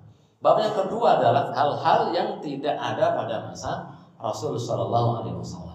Dan ini saya yakin butuh satu momen sendiri. Pendekatan ulama bagaimana? Ulama memahami hal-hal yang baru itu bagaimana? Kaidah-kaidah mereka menghukuminya bagaimana? Itu ada di sini. Nah, kalau kita bahas sekarang saya yakin nggak sampai jam 9 mau pulang jam 9.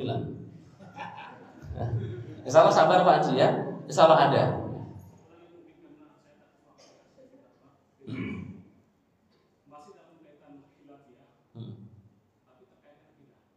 Akidah. Hmm. Enggak. Salah sampai. Yang bilang As'ariyah, sekarang saya tanya ini, Ustadz siapa yang bilang As'ariyah mengatakan Allah di mana-mana? Ustadz itu saya yakin belum merujuk buku As'ariyah. Sebutan Ustadznya itu pasti Ustadz tadi belum baca buku Asy'ariyah. Semua Asy'ariyah sepakat Allah istawa alal arsh. Enggak di mana-mana. Ada yang bilang Allah di mana-mana orang awam. Orang awam. Kalau orang awam nggak bisa dihukumi Asy'ariyah atau nge Asy'ariyah. Nah, ketika bilang Allah di mana-mana bukan bizatihi. Bukan dengan zatnya Allah di mana-mana maksudnya Maksudnya bahasa orang awam Allah di mana-mana, pengawasan Allah meliputi semua hal.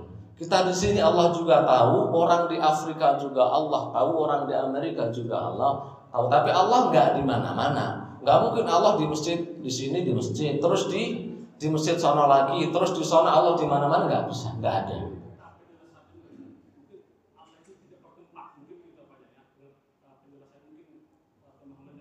Hmm. Nah jadi gini, jadi gini, kalau dibilang yang pertama, kalau dibilang Allah ada di mana-mana itu enggak. Asy'ariyah enggak bilang itu. Kita bisa buka rujukan buku Asy'ariyah. Saya pernah talaki dua dua metode pendekatan akidah. Dari metode pendekatan Asy'ariyah saya punya syekh besar sekarang masih hidup juga mendirikan satu kampus di Cipanas daerah Bogor sana. Syekh Hasan itu.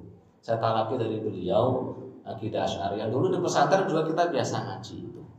Dan itu juga tidak tidak ada satupun dalam Asy'ariyah setahu saya yang mengatakan Allah di mana-mana. Allah ya istawa ala arsy. Sebagaimana di Quran istawa alal arsy. Nah terus kemudian bahasan yang kedua, apakah Allah punya tempat? Apakah Allah bertempat? Ini Asy'ariyah, Maturidiyah dan mayoritas ulama mengatakan Allah itu ada sebelum ada tempat. Karena Allah walam yakun syai'un qabla. Allah sudah ada di Bukhari disebutkan dan yang hadis yang disebutkan. Allah sudah ada dan belum ada apa pun. Saat Allah ada itu nggak ada apa pun. Jadi Allah sudah ada sebelum semuanya ada. Nah sekarang pengertian tempat. Tempat itu apa? Hmm? Tempat itu apa Pak? Apa tempat? Nah jadi di sini, di sini akhirnya kalau kita masuk mendalam, kadang orang awam nggak kuat gitu. Nah, Allah itu ada sebelum ada ruang dan waktu. Sebelum ada yang namanya tempat, sebelum ada namanya waktu. Allah ada, baru setelah Allah ada, ya pokoknya Allah ada dari zaman dahulu ada gitu. Setelah itu baru beliau menciptakan ruang dan waktu. Adanya ruang dan waktu kita ada malam jumlahnya sekian jam, ada siang jumlahnya sekian jam, karena kita ada di bumi yang memiliki satu matahari.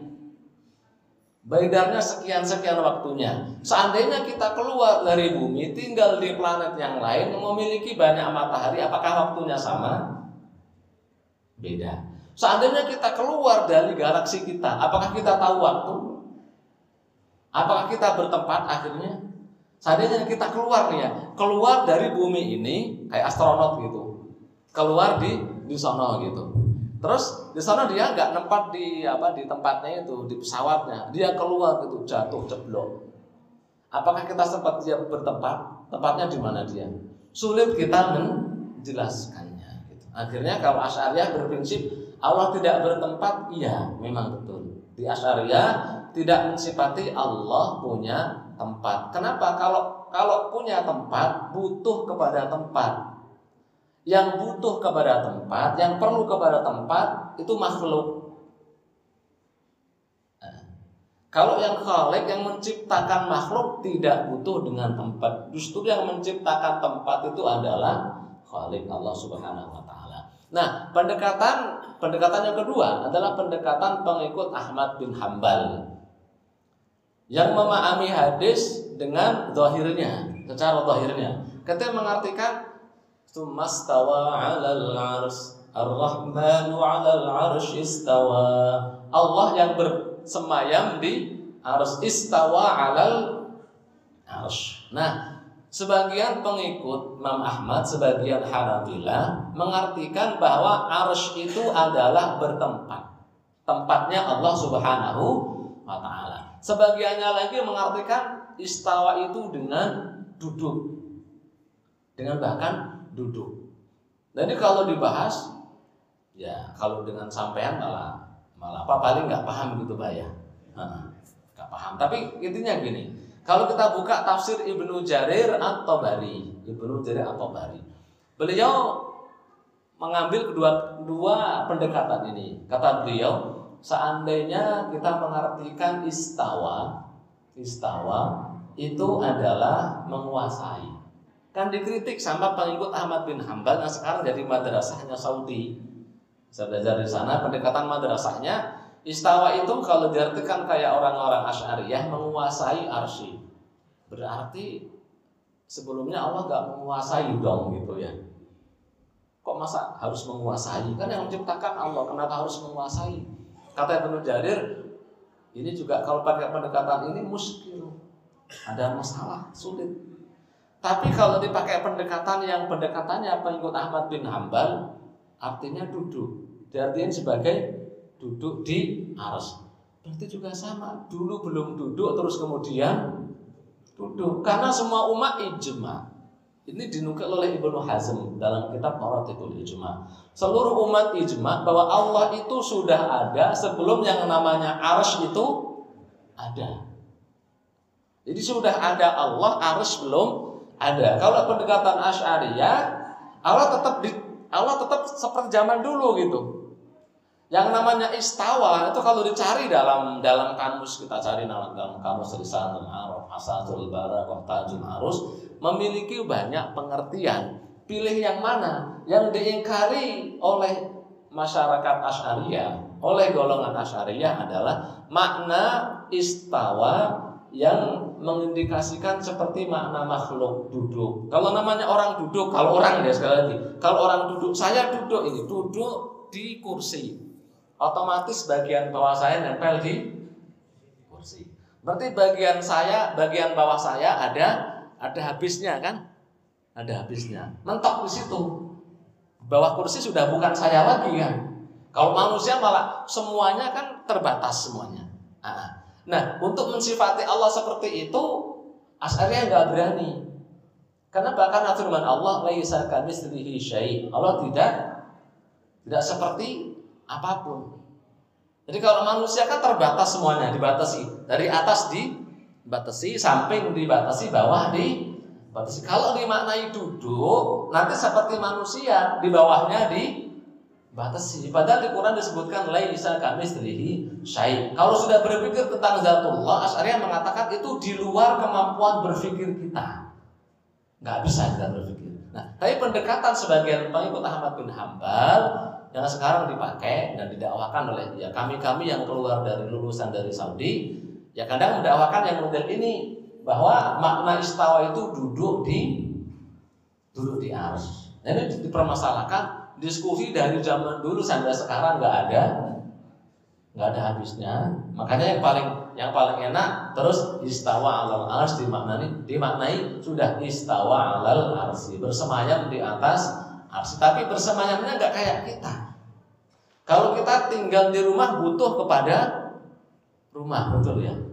Tapi yang dimaksud bersemayam itu jangan diartikan kayak manusia butuh kepada rumah butuh kepada tempat tinggal dan sebagainya. Allah tidak butuh itu semuanya. Justru yang makhluk yang butuh kepada Allah Subhanahu wa taala. Gara-gara masalah ini, ini dari dulu terjadi masalah pelipan.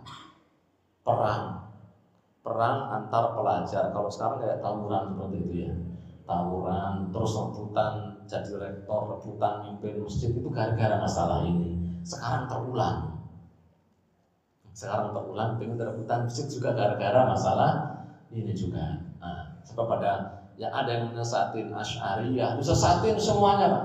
Disesatin semua. Asy'ariyah itu kelompok sesat. Enggak hanya sampai tingkatan sesat, ada buku, saya bisa menunjukkan bukunya yang menyebut Asy'ariyah itu kelompok kafir. Ada bukunya. Ada yang ngarang orang Indonesia Asy'ariyah itu disebut sebagai kelompok sesat, sesat semuanya ya repot. Kalau dibilang Asy'ariyah Maturidiyah itu sesat repot. Kata kata salah satu ulama Saudi di Saudi juga sebenarnya berbeda menyikapinya. Abdullah Al-Mutalak menyebutkan ketika ditanya tentang Asy'ariyah Maturidiyah kata beliau kalau kita bilang mereka bukan ahlu sunnah kita ngambil agama dari mana? Jaga agama Islam itu dari mana? Karena Allah menjaga agama Islam ini melalui Asy'ariyah Maturidiyah Antum sebutkan saja muhadis. Muhadis yang berpaham tidak asyariyah maturidiyah ketemunya segelintir saja sedikit sekali. Tapi giliran antum sebutkan semua ahli hadis, anda yakin mungkin 80 sekian lebih persennya adalah orang-orang asyariyah maturidiyah ya yang punya sanat sampai ke Sahih Bukhari, punya sanat sampai ke Sahih Muslim, ke Imam Muslimnya, sampai punya sanat ke Imam Abu Dawud itu rata-rata juga kalau nggak Asy'ariyah, Maturi, ya. Yang punya sanat bahkan sampai ke Rasul kan. Mimbabi Taharus bin Ni'mah, saya juga punya beberapa hadis yang saya bisa berceritakan guru saya bercerita, guru saya bercerita, guru saya bercerita, bercerita, bercerita, bercerita sampai ke Rasul. Saya punya beberapa hadis. Nah, saya teliti sanatnya ya semuanya ada Asyariyah, Maturidiyah. Mimbabi harus bin saya punya tiga syarat Al-Quran. Tiga syarat Al-Quran.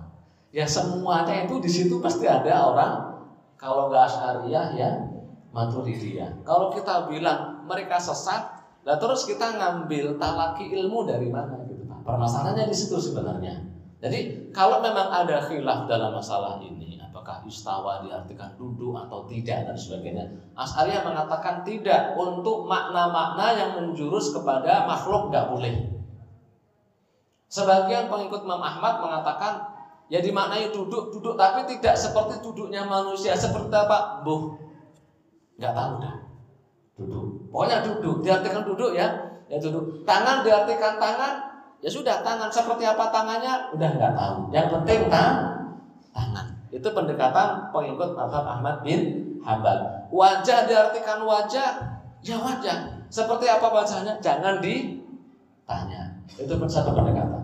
Kalau pendekatan Asy'ariyah kebanyakannya wajah diartikan ya diartikan wajah, ya wajah. Wajah ya wajah. Tapi maknanya kalau ditanya bukan maksudnya wajah kayak kita bukan maksudnya kalau dilihat dari dari apa dari redaksi teksnya itu artinya ya zatnya Allah Subhanahu wa taala. Bahkan Imam Bukhari dalam Sahih Bukhari ketika menafsirkan wa yabqa wajhu rabbika dzul jalali wal ikram kullu syai'in halikun illa wajha. Semua hal bakal binasa kecuali wajahnya. Kata Imam Bukhari, wajahnya di sini adalah kerajaan Allah Subhanahu jadi masalah takwil atau tidak takwil memaknanya tekstual atau kontekstual dari zaman dulu ada. Kalau yang saya tawarkan, yang saya tawarkan adalah yang ditawarkan oleh Imam Tajuddin Subki. juga Taqiyuddin Subki, juga Imam Al-Murtada Az-Zabiri dalam kitab Ithafus Sadah Al-Muttaqin Bisyarif Ihya Ulumiddin. Kitab-kitab Ihya itu disyarah oleh Imam Al-Murtada Az-Zabiri. Namun Ithafus Sadah Al-Muttaqin. Kata beliau, sebenarnya kalau semuanya mau gini saja deh. Yang madhab Ash'ari, Maturidi dianggap ahlu sunnah. Pengikut Ahmad bin Hambal juga dianggap sebagai ahlu sunnah. Sufiyah juga dianggap sebagai ahlu sunnah. Itu selesai masalah sebenarnya. Selesai. Tapi bukan berarti kalau orang Asy'ariyah pasti masuk surga, enggak juga.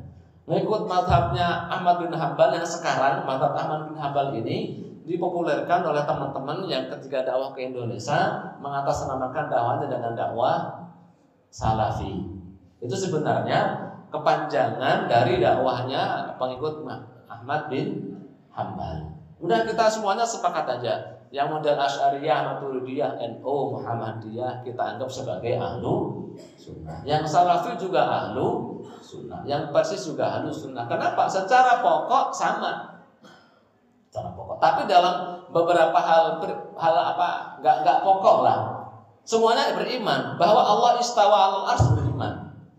Nggak benar kalau anda bilang orang-orang Asy'ariyah mengingkari sifat istawa. Enggak, itu salah. Orang Asy'ariyah mengingkari sifat tangan itu salah. Belum belajar mereka Asy'ariyah. Belum belajar, belum membaca. Cuma katanya, seandainya mau membaca nggak ada. Asy'ariyah nggak mengingkari yang namanya sifat tangan, sifat wajah nggak mengingkari. Yang mereka ingkari kalau dimaknai memungkinkan mirip dengan makhluk itu yang diingkari. Tapi kalau mengingkari teksnya nggak ada. Jadi gimana nih usulannya? Kalau yang saya usulkan kita anggap teman-teman NU ahli sunnah setuju. Pak Muhammadiyah ahli sunnah setuju. Orang Salafi juga ahli sunnah setuju.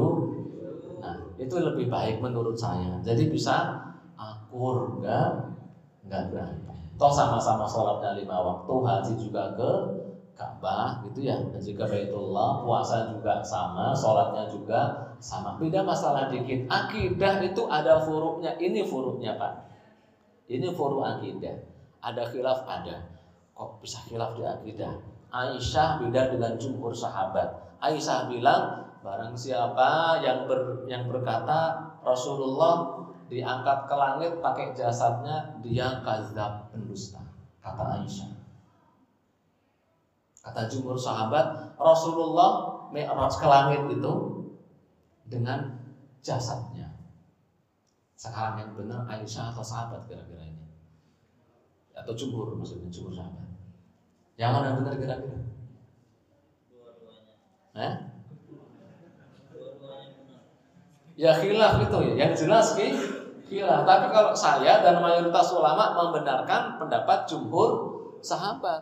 Karena kalau mi'raj naik ke langit naik ke langit cuma mimpi ya orang tidak akan bilang hal heran cuma mimpi kan Namanya mimpi ke mana-mana juga bisa. Namanya orang mimpi. Tapi mengapa orang Quraisy sampai terheran-heran? Bahkan diceritakan ada yang orang Muslim murtad gara-gara ini.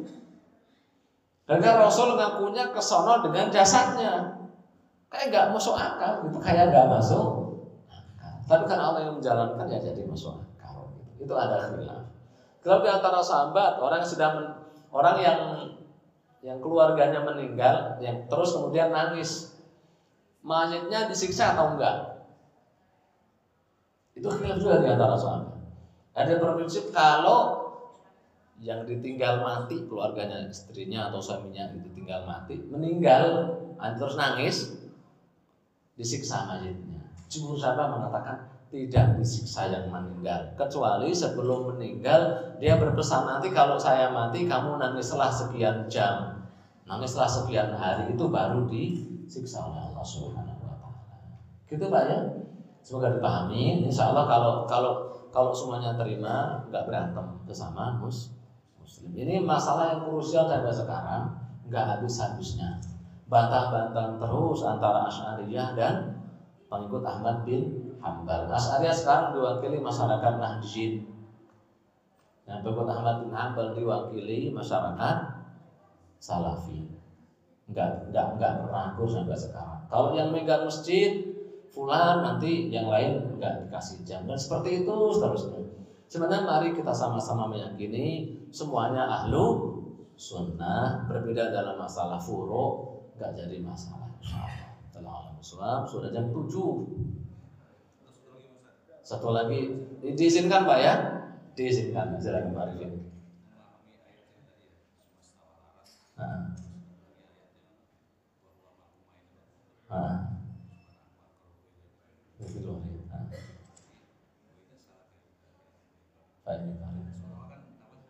Kayak kontradiksi gitu. Nah, ya ini ini yang kemarin saya jelaskan ada ayat kok kayak kontradiksi gitu. Itu kita baca ayat Ar-Rahmanu 'alal 'arsy istawa. Ar-Rahman, dialah Ar-Rahman yang bersemayam di atas arsy. Tapi ayat yang lain wa huwa ma'akum aina ma kuntum. Dan Allah bersamamu di mana pun kalian berada. Tuh. Satu ayat mengatakan Allah di arsy. Iya kan? Alal arsy. Ya, dan mengatakan bahwa ma'akum dia bersama kalian semua. Terus gimana? Jadi kalau bahwa ma'akum aina kuntum semua ijma sepakat.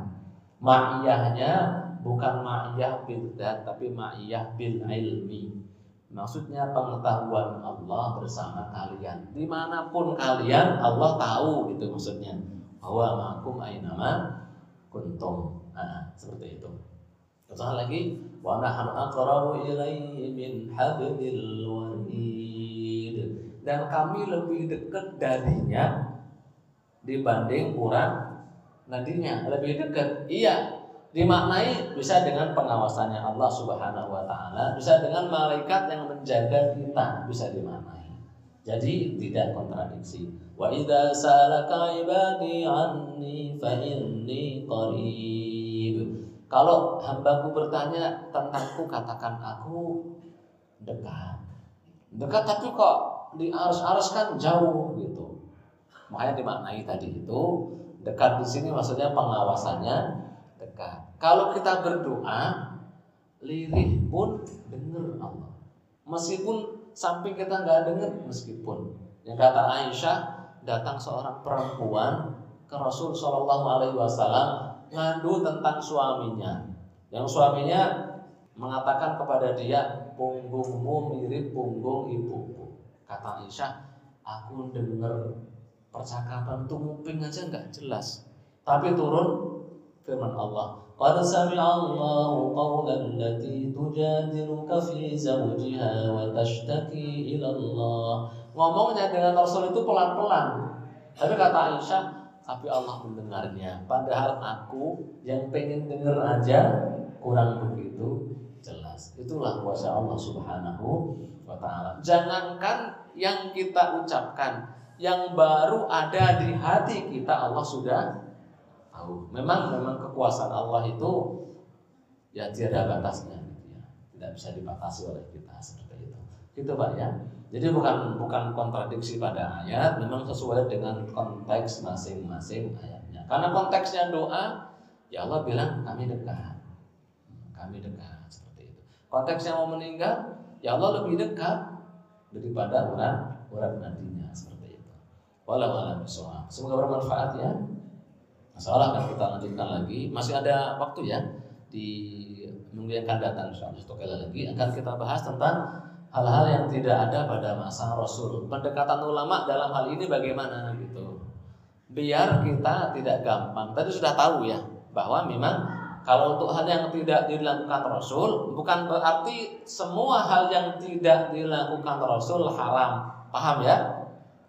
Ada hal yang sama Rasul nggak dilakukan tapi ternyata juga halal kita tapi memang ada hal yang tidak dilakukan Rasul dan kita juga tidak boleh nambah-nambahi. Itu dalam hal ini tolong jangan gampang-gampang lagi bilang ini nggak ada, nggak dilakukan oleh Rasul, nggak dilakukan oleh Rasul. Jangan gampang seperti itu. Pertemuan yang akan datang akan kita kupas. Suka bilang nggak ada pada masa Rasul. Oh nggak ada, nggak ada, nggak ada. Apakah semua yang nggak ada pada masa Rasul itu haram? Apakah semua yang nggak ada pada Rasul juga boleh? Insya Allah semoga panjang umur ketemu di pertemuan yang akan datang. Wallahu muwaffiq barik subhanakallahumma bihamdika asyhadu an la ilaha illa anta astaghfiruka wa atubu ilaik wa Assalamualaikum warahmatullahi wabarakatuh.